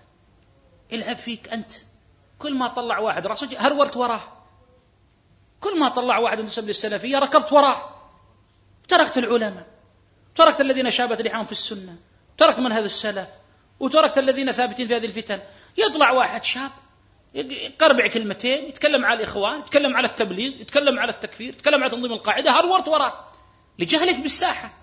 لأنك لا تعرف أن هذه الجماعات بينها نزاع وأن السروري يرد على التراثي والتراثي يرد على السروري وأن هناك تصوفات وأن هناك انشقاقات وأن هناك اختلافات وأن هناك مذاهب وأن هناك جماعة تدعي السلفية يا كثرها في السوق وفي الساحة. فأنت كل من رفع رأسه بالنقد جماعة ولا جماعتين هل ورت وراه؟ أنت اللي رحت. كل من تكلم على مسألة مسألتين نبه على خطأ خطأين لبعض الدعاة هرولت وراه؟ كل من كتب مقالة في تناقضات بعض الدعاة ولا استدراكات عليهم هرولت وراه؟ كل من حقق حديثا أو جزءا أو كتابا هلورت وراه؟ أنت اللي فاكك لسيارتك الطريق أنت اللي فاكك لدابتك الانطلاق. ما عندك زمام ما عندك خطام. فكل ما طلع واحد رأسه رحت وراه. ضرب. قلت الله ولا بقي أحد إلا ضربوه شو هذا مو بصحيح يا أخي أنت اللي تذهب تصنع أحدا تأتي به إلى داخل الصف السلفي الحمد لله هم إخوة متآلفون وعلماء متآلفون لما تقول ما تركوا أحد من العلماء والدعاة إلا ردوا عليه هل تكلموا على الائمه الأربعة؟ هل تكلموا على أئمة الدين؟ العلماء يبدؤون من الصحابة لليوم. أين طعونة هؤلاء في هؤلاء العلماء؟ هل تكلموا على علماء العصر كما أفادنا الشيخ في ثنائهم على علماء العصر وثناء علماء العصر عليهم؟ أين هذه الدعاوى؟ لكن بعض الشباب يا إخوة اسمحوا لي بارك الله فيكم، بعض الشباب عنده عنده عنده يعني طريقة معينة بس يحب كل جديد. أي صوت يطلع جديد يهرول وراه. دعوة يا أخي لها شيبانها، لها علماؤها، لها إن صح التعبير أركان قاموا بها من سنين وجاهدوا من أجلها يأتي بعض الناس يستفيد نتف من جهادهم الأول يبرزه في كتاب ولا في شريط ولا في مدونة ولا في حساب في تويتر ولا في صفحة في فيسبوك ثم يظهر ويكرره من نفس نتف معينة من جهادهم ويمسك داعية مغمور ولا داعيتين مغمورين ويتبع أخطائهم أصبحت تجري وراه. هذا غلط. ما كل من رد على هذه الفرق يجرى وراءه ولا يرفع له ولا ينشر له ولا يسوق له يسوق له ولا يقبل بالشباب عليه أبدا. دعوة لها أناس سبقوا وأناس تحملوا وأناس عرفوا هذه الحيل. كثير من الأئمة في عهد أحمد ما فطنوا لللفظية يا إخوان. لماذا كثير من الأئمة تابع أحمد؟ ويقول الوراق هو ذكرني الشيخ كان اسمه الوراق في السنة الخلال. قال نحن بقول أحمد في هذا قائلون فمن خالف أحمد جانبناه وعاديناه وأبغضناه وهجرناه. متعصب مرة لأحمد هذا. قتله التعصب. يحتاج إلى علاج على أيدي بعض السلفية الحديثة حتى يكون عصري المواجهة. ها؟ هكذا الذي يريدون. لكن لماذا؟ لأن أحمد خبر من مذاهب القوم ما لم يخبره غيرهم. وعرف من حيلهم في باب اللفظ وباب غيره ما لم يعرفه غيرهم. وعرف أن شيخ الإسلام يقول إن أهل البدع كلما عرفوا أن لفظة أو مصطلحا من مصطلحاتهم كشف استبدلوه بغيره. استبدلوه بغيره. وعرف ما عرفه العلماء أن هذه الجماعات والأحزاب السياسية كلما ضربت باسم ظهرت باسم آخر. وأمرت أن تنشق أو انشقت إلى أقسام وأحزاب. فيا أخي منك أنت. أنت الغلط. أنت الذي سلكت مسلكا خطأ نصيحة. ليس كل من تكلم على الإخوان والتبليغ وسلمان وسفر هججنا وراه. ليس كل من تكلم على تنظيم القاعدة والجهاديين هرولنا وراه. بل إن في بعض كلام هؤلاء على هؤلاء المخالفين أخطاء. لا يجوز أن تنسب للمنهج السلفي ولا تتحملها الدعوة السلفية. فيجب أن تحذروا وأن نحذر. فيا أخي من أسباب الخطأ أن بعض الشباب هكذا يهرولون وراء كل من طلع كل من كتب كل من قال كلمة اعتذر لك يا شيخ؟ ليس تتم عنك تم. الوقت انتهى. يا ساعة ساعة مسجل مستكمل. تفضل. آه، الشبهة آه، الشبهة الخامسة أن السلفيين يغلون في بعض شيوخهم وخصوصا الشيخ ربيع بن هادي. ظهر يعني هو الغلو بنعم التعصب بس إن الغلو في زيادة الظاهر. الشيخ خالد عندك زيادة؟ ها؟ والله الغلو مذموم شرعا وعقلا كما تقدم. ومن مقاصد بعثة الرسل ذم الغلو وحربه. وهل عبد كثير من الآلهة من دون الله إلا بالغلو؟ وهل عبد عيسى بن مريم إلا بالغلو؟ وهل عبد كثير من الغلاة أئمة آل البيت من الروافض إلا بالغلو من سباب أبي بكر وعمر؟ وهل عبد كثير من غلاة المتصوف النبي صلى الله عليه وسلم ودعوه من دون الله وطلبوا منه مغفرة الذنوب وتفريج الكروب إلا بالغلو؟ وهل عبد ود وسواع ويغوث ويعوق ونسر إلا بالغلو؟ فالغلو مذموم. ومن مقاصد بعثة الرسول صلى الله عليه وسلم حرب الغلو والقضاء عليه. وهل وقف لغلو التكفيريين في غلوهم وغلوائهم إلا هؤلاء الشيوخ؟ وهل حارب غلو الحدادية في فجورهم وجورهم وظلمهم لأهل السنة قبل أهل البدع إلا هؤلاء المشايخ؟ وهل حارب غلو الطرقية في أسيادهم وشيوخهم وغلو الروافض في أئمتهم إلا هؤلاء وأمثالهم إخوانهم ممن سبق أو موجود؟ فالغلو مذموم يا أخي. والغلو ذم قبيح. ما خرجت الخوارج إلا بالغلو. ولا أرجأت المرجئة في الجانب الآخر إلا بالغلو. غلت في جانب الرجاء فأرجأت ما مثل الممثل صفات الله إلا بالغلو في الإثبات. وما عطل المعطل إلا بالغلو في النفي والتنزيه. الغلو مذموم. الغلو قبيح. ولكن اتهامك أن هؤلاء يغلون في المشايخ. بما؟ أفدني. نسأل نفس السؤال في التعصب. بأي شيء غلوا بأي شيء؟ تركت الغلاة في هؤلاء الجماعات. تركت قول الإخوانجية وغلوهم في حسن البنا وفي سيد قطب. وتركت غلو هذه الجماعات بعضهم يعرف واتجهت إلى السلفين أن عندهم غلوا في ربيع بن هادي ولا في محمد أمان جامع رحمه الله ولا في ما هو الغلو؟ من أبغض الأشياء إليهم الغلو. يحاربون القصائد التي فيها مدح أو غلو أو تجاوز وينهون عن ذلك ويمنعون ذلك. يحاربون الغلو في تلقيبهم. لا يرضى بلقب. كان هذا بحضرتنا الشيخ محمد. تذكرون؟ يوم عرضنا عرضتم على الشيخ رسالة في الصلاة. وكان مكتوب فضيلة الشيخ العلام تذكر ماذا قال؟ قال لا تكتبوا هذه. خذوا العلامة شيلوها. يكفي الشيخ ربيع. لا تكتبوا العلامة. جيد؟ فيكره هذا. فأي غلو فعلنا؟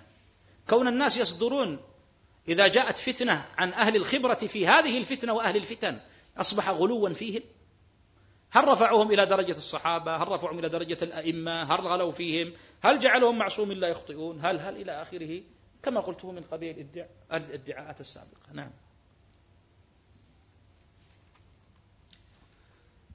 الشبهة السادسة أن السلفيين يغلون في ولاة الأمر ويقومون بالدفاع عنهم وعدم التعرض لمساوئهم.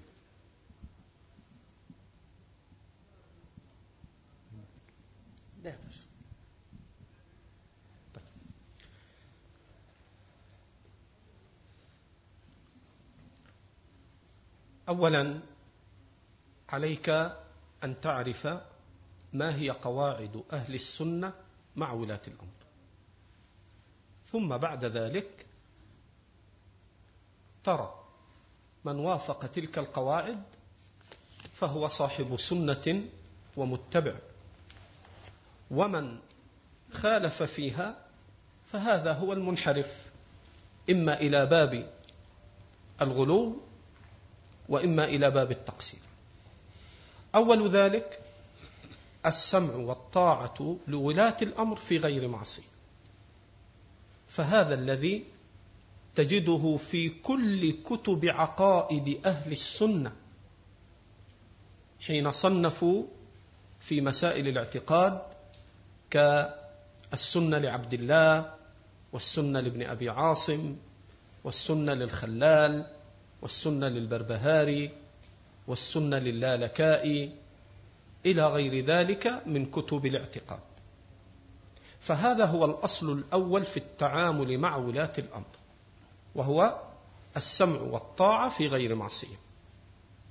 ثانيا أن ولاة الأمر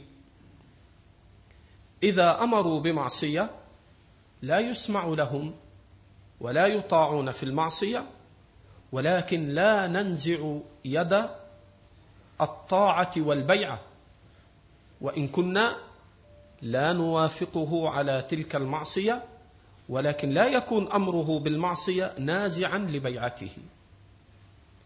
ثالثا أنه لا يجوز الخروج على ولاة الأمر وإن ظلموا وإن أساءوا وإن منعوا الحقوق كما هو في الأحاديث الصحيحة المتواترة والتي منها على سبيل المثال يمنعونكم حقوقكم ويسألونكم حقهم. قالوا ما تأمرنا؟ قال أدوا إليهم حقوقهم واسألوا الله الحق الذي لكم. رابعا أن ما يأتيه الولاة من أخطاء ومن ظلم ومن معاص هذا لا يجوز أن يظهر وأن يشهر وأن يرد عليهم بأعيانهم ببيان أخطائهم وإنما يستتر بالنصيحة لهم. وهذا كما جاء في الصحيحين من حديث أسامة بن زيد قيل له ألا تدخل على فلان؟ وعند مسلم ألا تدخل على عثمان؟ فتكلمه. فقال إنكم ترون أني لا أكلمه حتى أريكم أني أكلمه إني أكلمه فيما بيني وبينه. ولا أحب أن أفتح باب الشر وكما جاء في مسند الإمام أحمد من حديث ابن أبي أوفى الصحابي أن عبدا له أبق فقال أين ذهب الأبعد؟ قالوا لحق بالخوارج. فسبه ابن أبي أوفى. فقال رجل إلى جنب ابن أبي أوفى يا صاحب رسول الله إن السلطان يفعل ويفعل ويفعل. قال فغمز في ذراعي غمزا شديدا. قال ائته في بيته فانصحه. وما جاء عند ابن أبي عاصم في السنة وبوب عليه قال كيف النصح لولاة الأمر؟ وأورد الحديث المشهور المعروف من رأى من إذا من أراد أن ينصح لذي سلطان فلا يبدي له علانيه وليأته وليخلو به ولينصحه ولا يبدي له علانية. اذا هذه القواعد هي قواعد أهل السنة. خامسا أنه لا تنزع يد الطاعة من السلطان إلا بأمرين. إما أن يأتي بكفر بواح كما هو منطوق قول النبي صلى الله عليه وسلم أو أن يترك الصلاة كما هو أيضا منطوق منطوق النبي عليه الصلاة والسلام. فهذه القواعد هي أصول أصول أهل السنة منذ أن بعث الله نبيه محمدا صلى الله عليه وآله وسلم إلى وقتك هذا. السمع والطاعة لولاة الأمر في غير معصية. وأن لا ننزع يدا من طاعة إذا أمرونا بمعصية. وإنما لا نطيعهم في المعصية ولا ننزع يد الطاعة فيما سوى ذلك. أن لا تظهر معائبهم ويشهر بمعائبهم عند العامة ويهيج الناس عليهم. أن لا يخرج عليهم بقول أو فعل بسيف أو كلمة. أن لا تنزع يد الطاعة منهم إلا بكفر بواح عندنا فيه من الله برهان أو بترك صلاة مع سائر الشروط التي ذكرها الفقهاء عند ذلك. اذا هذه أصول منضبطة في التعامل مع الولد. فإذا نظرت إلى أئمتنا الآن فما هو الأصل الذي خالفوا فيه؟ الربا الذي نراه مبثوثا في كثير من البنوك. كم نص الشيخ ابن باز؟ على استنكاره وعلى إبطاله وعلى أنه من أعظم المحرمات. ويسمي هذه البنوك وأنها بنوك يدور في كثير منها الربا وكذا وكذا وكذا. وما أشبه ذلك من المنكرات الظاهرة التي لا يقرها أحد. ولكن انظر إلى الفرق. انظر إلى تعامل الأئمة في إنكار المنكر وانظر إلى تعامل تعامل هؤلاء. حين تكلم الشيخ ابن باز عن البنوك الربوية ولا يجوز التعامل مع البنوك التي تعطي الفائدة وكذا وكذا وانظر إلى الآخر حين يقول إن ولاة الأمر فعلوا كذا ويسروا للبنوك ويسروا لهؤلاء أن يقيموا مشاريعهم وفعلوا وفعلوا. يبين الحلال والحرام ولا يعرض لجانب السلطان. اذا فمتى قال أحد من أئمتنا أننا نطيع ولاة الأمر في المعاصي؟ متى قالوا هذا؟ ومتى ارتضوا بمعصية؟ علماؤنا يقولون السمع والطاعة للبر والفاجر. اذا علماؤنا يعلمون أن بعض الولاة فجر فلذلك في كتب العقائد ماذا يقولون؟ السمع والطاعة لولاة الأمر أبرارا كانوا أو فجارا. اذا ما معنى ذلك؟ معنى ذلك أنه قد يعلم العالم السني أن هذا أو ذاك في زمن من الأزمنة هو حاكم فاجر وحاكم ظالم ولكن الصبر وإنما ابتلينا بذنوبنا. ولذلك انظر إلى تعامل الصحابة. يقال في حق أنس أنه كان يداهن السلطان كما في الصحيح كما في صحيح البخاري من حديث الزبير بن عدي. قال أتينا أنس بن مالك فشكونا إليه ما نلقى من الحجاج. فقال أنس اصبروا فإن فإنه لا يأتي عليكم زمان إلا والذي بعده شر منه حتى تلقوا ربكم سمعته من نبيكم. فهل كان أنس يداهن ويجامل الحجاج؟ وعند الترمذي بالسند الصحيح كما يقول الألباني من طريق هشام بن حسان يقول وهشام بن حسان من التابعين يقول أحصوا ما قتل الحجاج صبرا فوجدوه قتل مئة وعشرين ألفا. مئة وعشرين ألفا. وماذا يقول أنس؟ اصبروا. وعند البخاري في التاريخ الكبير بالسند الصحيح من حديث أو من طريق أبي جمرة قال لما احترق بيت الله أتيت ابن عباس فلما أنس لي ذكرت الحجاج فسببته فقال لي لا تكن عونا للشيطان. نهاه أن يسب السلطان الظالم السلطان الذي بسببه احترقت الكعبة السلطان الذي كان أميرا من قبل السلطان الذي قتل ابن الزبير الذي رمى ابن الزبير في مقابر اليهود. كما عند مسند الإمام أحمد بسند صحيح. قتل الصحابي ورماه في مقابر اليهود وعلقه على الجدار. ومع ذلك أصحاب النبي متوافرون. أنس وابن عمر وابن عباس. ولا يأمرون الناس إلا بالصبر. أليس هذا على قواعد هذا السائل مداهنة لهذا الحاكم الظالم؟ السفاك للدماء. الذي وصفه النبي صلى الله عليه وسلم بذلك في صحيح مسلم من حديث أسماء أنها قالت سمعت رسول الله صلى الله عليه وسلم يكون في ثقيف إن في ثقيف كذابا ومبيرا. أما الكذاب فقد عرفناه وأما المبير فلا إخالك إلا هو. قال النووي أجمع أهل العلم على أن المبير هو الحجاج. رجل رجل يعلم الصحابة أنه مبير. وأنه مهلك وأنه سفاك للدماء. وماذا يفعلون؟ يمنعون من قتاله بل يمنعون من سبه يا جماعة. يقول أبو جمرة في مجلس خاص مع ابن عباس فذكرت الحجاج فسببته لا رفع سلاحا ولا قاتل وإنما أخذته الحمية فسب الحاكم الظالم والأمير الظالم. فقال ابن عباس لا تكن عونا للشيطان. اذا وانظر إلى تعامل أئمتنا. وانظر إلى تعامل أئمة الصحابة.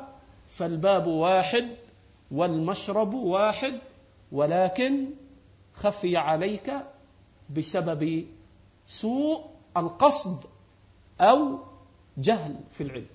نسأل الله. نعم. يبارك فيك ويجزيك خيرا. هذه فوائد طيبة لكن ما أدري بالنسبة للإخوة المضيفين وطريقة يعني الوقت المحدد لأن ما أريد أن نثقل على الحاضرين ولا على المتابعين عبر الشبكة. ولكن ألفت النظر بعد إذن الشيخين إلى أن الشدة وصف مشايخنا بالشدة كنا نسمعه من الحزبيين الصرحاء. ثم صرنا نسمعه ممن يدعي السلفية من داخل. حتى تعرفون أن المرض يستشري ويدخل لشيء ما. الوصف بالغلو بالطاعة ستسمعونه من خلال أناس يدعون السلفية. مو من الحرب مو من تنظيم القاعدة والإخوان المسلمين. لما يقول لك أنتم عندكم غلو في ولاة الأمر. قل له زين هل أنت فعلا صادق في تعبيرك وأنك تراهم ولاة أمر؟ لأن معنى قولك أني أغلو في ولاة الأمر أنك تثبت أنهم ولاة أمر شرعيين ولايتهم شرعية وأن الواجب تجاههم هو التعامل بس أنت تنكر غلونا الزائد فيهم. بس هل هم صادقون في هذا؟ غير صادقين. ستسمعون الآن من أدعية أو من بعض المنتسبين للدعوة السلفية وراح يجيكم إن لم يكن قد وصلكم. ستوصفون أنتم بأنكم غلاة في جانب الولاة. كيف؟ يقول لك يا أخي لا تغلو في السمع والطاعة والتعامل مع الحكام. قل له إذا هل أنت صادق في هذا اللفظ وأنك تقر بوجوب السمع والطاعة لولي الأمر؟ يقول لك نعم. قل له بما أقررت له بالسمع والطاعة؟ هل أقررت له ديانة بأدلة شرعية؟ أم أقررت له سياسة ومكر ومكنة وتسلل؟ تمسكن حتى تمكن من أي شيء. فإذا أقررت له بالولاية وأقررت له بالسم والطاعة ديانة وقلت استندت على الأدلة فاعلم أن ثمة مرضين سينتشران إن لم يكونا قد انتشرا. المرض الأول أن يقول لك لا المقصود بالسمع والطاعة وعدم الإنكار على ولي الأمر اللي في بلدك بس. أنت كويتي على الشيخ صباح وفقه الله ورزقه البطانة الصالحة وهداه لمرضاته وأعانه على ما فيه خير دينه ودنياه وأمته. جيد؟ لكن يجوز لك تتكلم على باقي حكام الدول الإسلامية. تتكلم على الملك عبد الله في السعودية تتكلم على حكام الدول الإسلامية الأخرى في قطر في الأردن في كل مكان. فإذا منعت سيقول لك هذا يا أخي أنت عندك غلو في جانب الحكام. فالذي كنا نسمعه من القاعدة وتنظيمات الإخوانية وغيرها سنسمعه من من؟ ممن معك سلفي يرد على الإخوان وسفر وسلمان. وإذا قررت بما هو مقرر في الأدلة الشرعية وسار عليه أئمتنا المعاصرون الكبار وهم تبع في ذلك لنصوص الكتاب والسنة والصحابة فقلت لا يجوز إن طاعة ولي الأمر الواجبة هي طاعة له ولولي عهده ولوزرائه ونوابه فيما أنابهم فيه وأوكل إليهم تسيير أمور المسلمين وتسهيلها. وعليه فإن الانتقاد العلني لنائب من نواب ولي الأمر في سياسة الدولة وفي صنيعه أولا مخالف لطاعته والإنكار عليه علن وإن الامتناع عن طاعته والتمرد على طاعته فيما أوكل إليه ولي الأمر في غير معصية الله تعالى هو في الحقيقة تمرد وامتناع عن الطاعة لولي الأمر الذي نوبه. ثم الواقع التاريخي على أن أهل الأهواء والبدع لما أرادوا أن يخرجوا على عثمان وعلى غيره إنما بدأوا بوزرائه ونوابه ومحافظيه على مصر وعلى العراق وعلى كذا والشام. فلما سلم لهم من سلم من جهلة الناس قالوا إذا عثمان هو اللي معينهم وعثمان يرضى بهذا الفعل منهم وعثمان إذا البلاء فيه هو المسؤول عن هذا. إذ لولا عثمان لما تمكن هؤلاء ولا كانوا وزراء ولا كانوا نوابا. فهيجوا الناس على عثمان. فستسمع ممن ينتسب للسلفية. بعد ذلك يقول إن من الغلو في جانب الولاة والطاعة منعك من نقد الوزراء والأمراء والنواب وولاة العهد ونحو ذلك. فالشيء الذي كنت تسمعه من الخارج أي ممن يظهرون البعد الخارج عن الدعوة السلفية ستسمعه الآن ممن يلبس لباس السلفية وهذا من أعظم الفتنة. ودل على تسلل المرض وعلى حجم الخطر. نعم هذا الذي كنت أحببت أن أعقب. بالنسبة للوقت وتحديده عندكم فأنا لا أريد أن نشق على الإخوة. نأخذ يعني سؤالين من الأسئلة من الإخوة وبعدها إن شاء الله. طيب بعدها نستأذنكم يعني على أمل أن نلتقي بكم في المجالس الأخرى إن شاء الله. أحد الإخوة يسأل متى يكون الهجر والتبديع والتحذير؟ وهل كل خلاف يعقد عليه التحذير؟ لا لا لا. أنا والله هذا السؤال وجع قلبي ألفين مرة سألته. ما بقتش أقدر أتكلم فيه. عندك. الله يبارك فيك. يا رب يطول لي عمرك. ليل ونهار ونهار وليل. سؤال والله هذا سؤال حقيقة سؤال كبير. ليش؟ لأنه يعالج الخطين اللذين ذكرت لكم سابقا. أن خط الغلو في التعامل مع الأخطاء والمخالفات والمخالفين وخط التساهل والتفريط. في الحقيقة هذا سؤال كبير. حبذا لو نستأذن صاحبه والإخوة أن نجعله عبارة عن لقاء متكامل في وقت لاحق.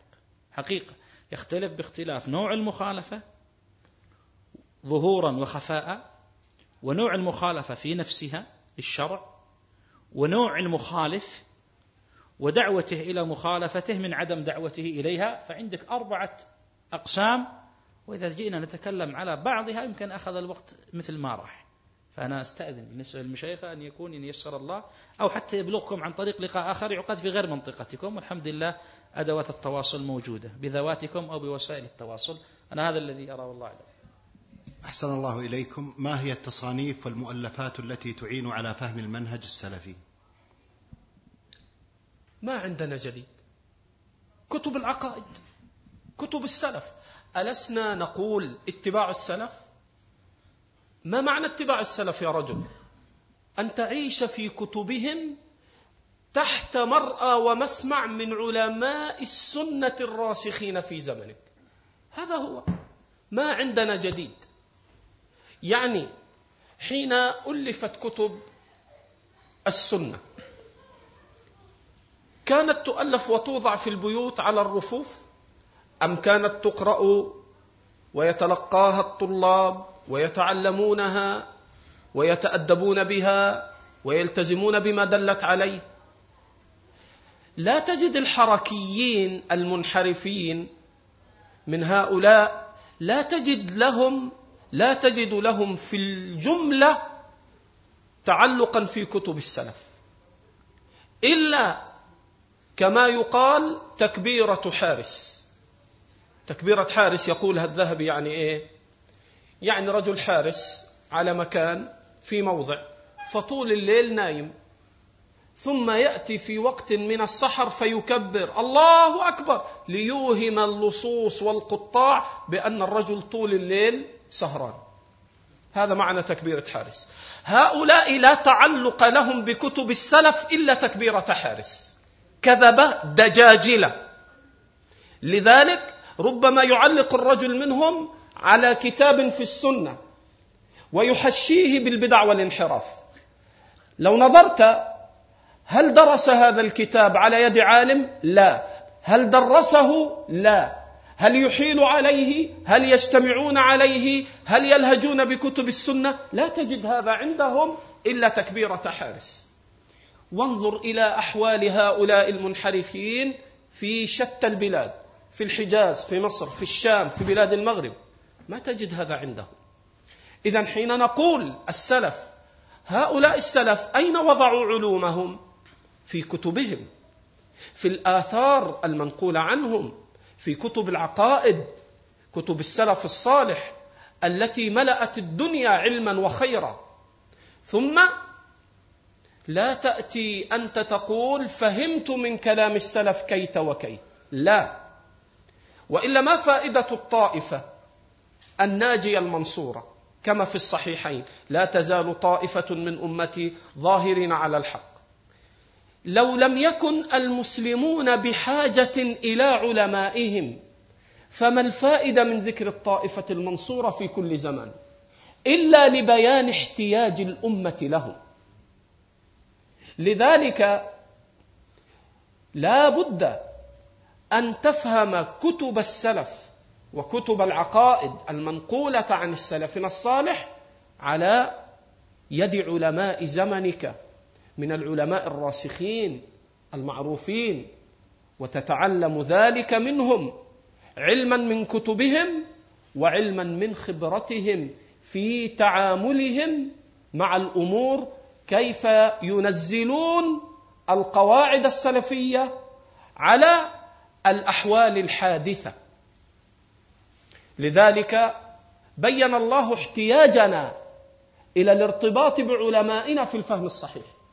فقال وإذا جاءهم أمر من الأمن أو الخوف أذاعوا به ولو ردوه إلى الرسول وإلى أولي الأمر منهم لعلمه الذين يستنبطونه منهم. اذا عندك بابان. لا غناء لك بباب دون الآخر. الأول أن المنهج السلفي يتلقى من النصوص من الكتاب والسنة الصحيحة وما جاء عن الصحابة من الآثار وما كتبه أئمتنا في كتب العقائد والسنن هذا باب أول. والباب الآخر أن تتلقى ذلك عن علماء زمنك من أئمة أهل الحديث والأثر الذين هم أولى بك في الفهم والنظر. لذلك إذا اختل باب من البابين اختل عندك منهج السلف.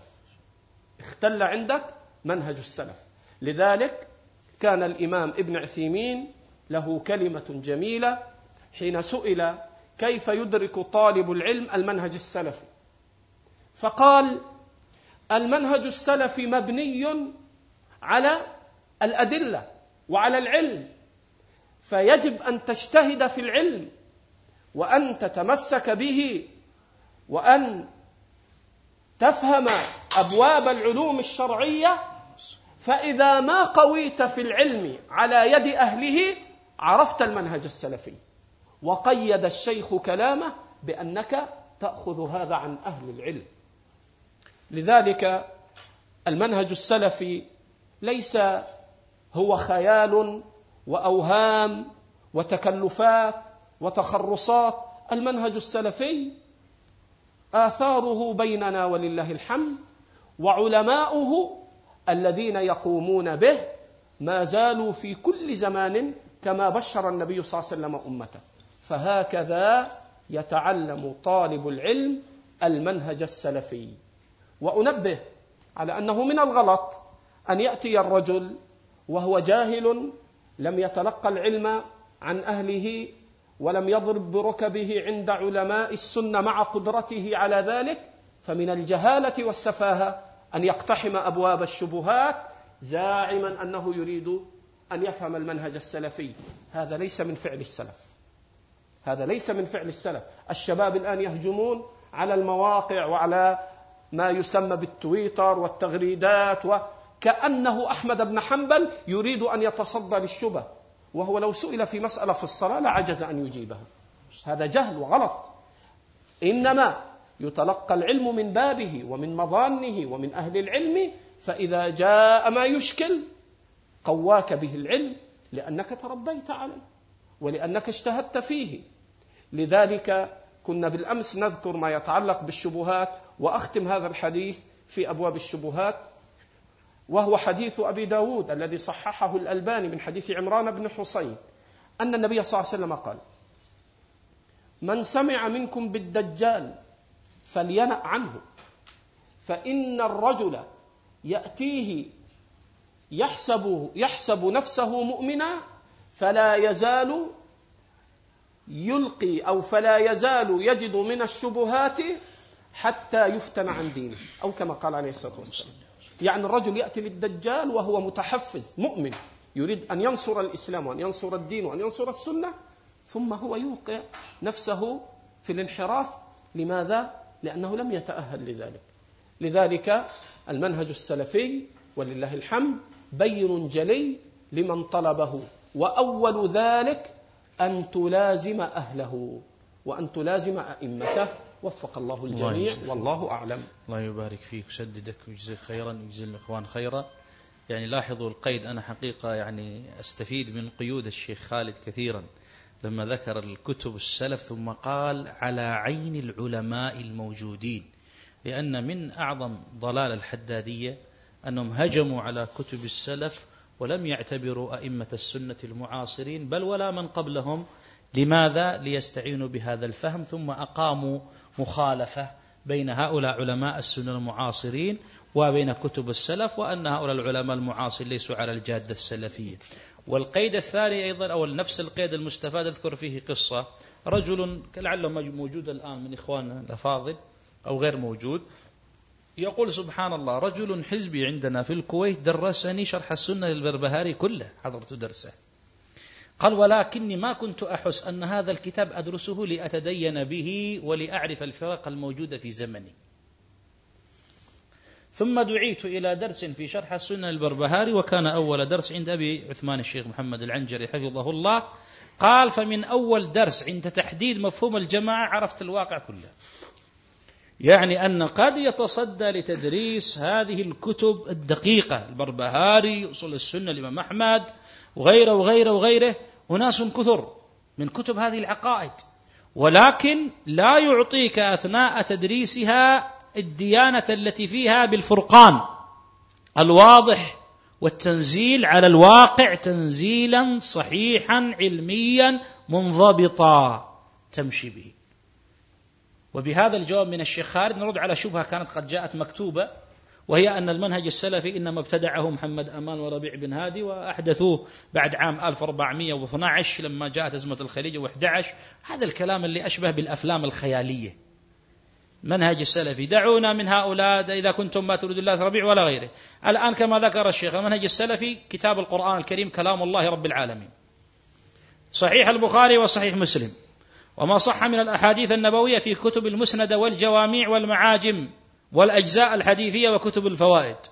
وما دونه أئمة السنة في كتب العقائد.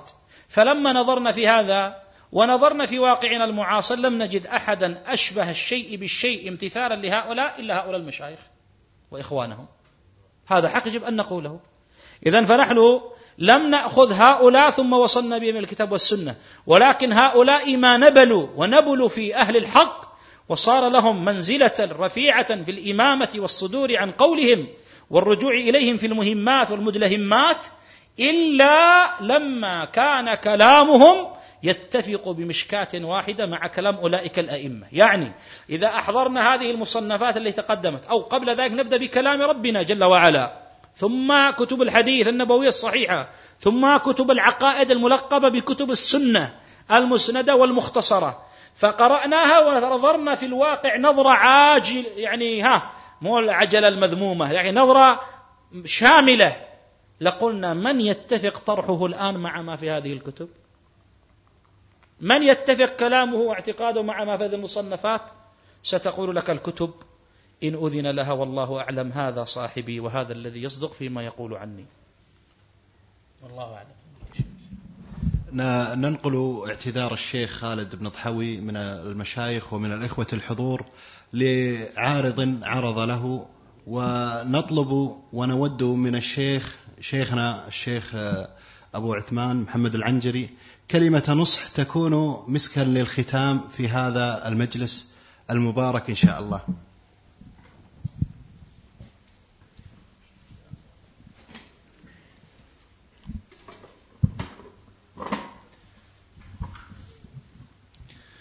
بسم الله والحمد لله والصلاة والسلام على رسول الله محمد صلى الله عليه وعلى آله وصحبه وسلم. السلفية ثقيلة. سنلقي عليك قولا ثقيلا. وليس كل إنسان قادر على حمل الثقل. الأمر الثقيل مكروه عند الناس. والحق ثقيل. حفت الجنة بالمكاره. فالذي يريد أن يجعل الدين سلم للوصول لجاه أو مال أو عرض من الدنيا لن يكون هذا المنهج موافق لطموحاته وغاياته وأمراضه. فالسلفية نقية من الأمراض. والسلفية يلزم منها الفرقان المبين والفرقان مكلف. الكل يعرف الفرقان من هؤلاء ولكن هل يستطيع أن يرفع هذا اللواء أمام الخصوم والأعداء والجماعات بل والدول؟ هذا حمل ثقيل يا إخوان. ولكن لا سبيل إلا بالصبر والثبات. وسؤال الرب جل وعلا الثبات على هذا الطريق. كم سمعنا من أناس في الأمس ينكر علينا الرد على عجيل النشم قبل أكثر من عشر سنوات وأكثر. واليوم أصبح الرد على هذا وأمثاله مادة سائغة. وفي الأمس يقبح هذا الفعل من بعض الناس. كم من هؤلاء ممن كنا نحذر من التراث ونقول أن منهج عبد الرحمن منهج مخالف لما كان عليه محمد وأصحابه وأن الخلاف بيننا وبين التراث خلاف عقدي. وكان ينكر علينا هذا القول واليوم أصبحوا يقولون بهذا القول وأصبحوا يردون على عجيل اللي كانوا في الأمس يقول عجيل تتكلم فيه؟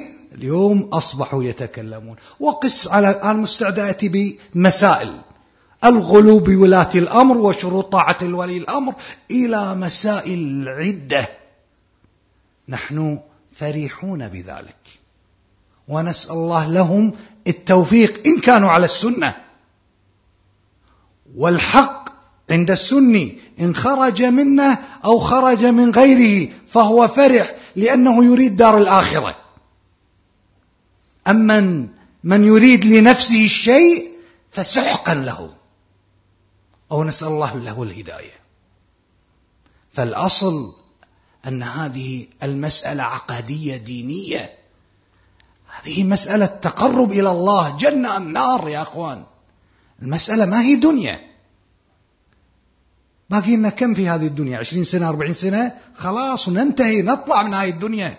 كما خرج الآباء والأجداد. كلا إذا دكت الأرض دكا دكا. وجاء ربك والملك صفا صفا وجيء يومئذ بماذا؟ بجهنم يومئذ يتذكر الإنسان. وأنى له الذكرى. هنا هل كنت على الفرقان المبين؟ هل كنت على السلفية النقية الصافية الواضحة؟ لا لا شبه ولا إيرادات وضوح طريق. هذا الطريق مكلف نعرف. وقد نطق بذلك محمد صلى الله عليه وسلم. ألا إن سلعة الله غالية. السلفية غالية والبقاء على هذا الطريق إلى الموت أمر مكلف. والخيار لك. والخيار لك. تريد أن تكون من هؤلاء بطانة الجماعات السياسية الإسلامية؟ كما يسميهم شيخنا الفاضل أحمد سبيعي حفظه الله بطانة الجماعات السياسية ظاهرهم السلفية ولكن هم في حقيقتهم ماذا؟ بطانة للجماعات تريد أن تكون إخواني لك ذلك تريد أن تكون تراثي لك ذلك ولكن ما يلفظ من قول إلا لديه رقيب عتيد إن السمع والبصر والفؤاد كل أولئك كان عنه مسؤولا. وكل إنسان ألزمناه طائره في عنقه. ونخرج له يوم القيامة كتابا يلقاه منشورا. اقرأ كتابك. كفى بنفسك اليوم عليك حسيبا. السلفية فخر السلفية عزة وإن كانت ثقيلة.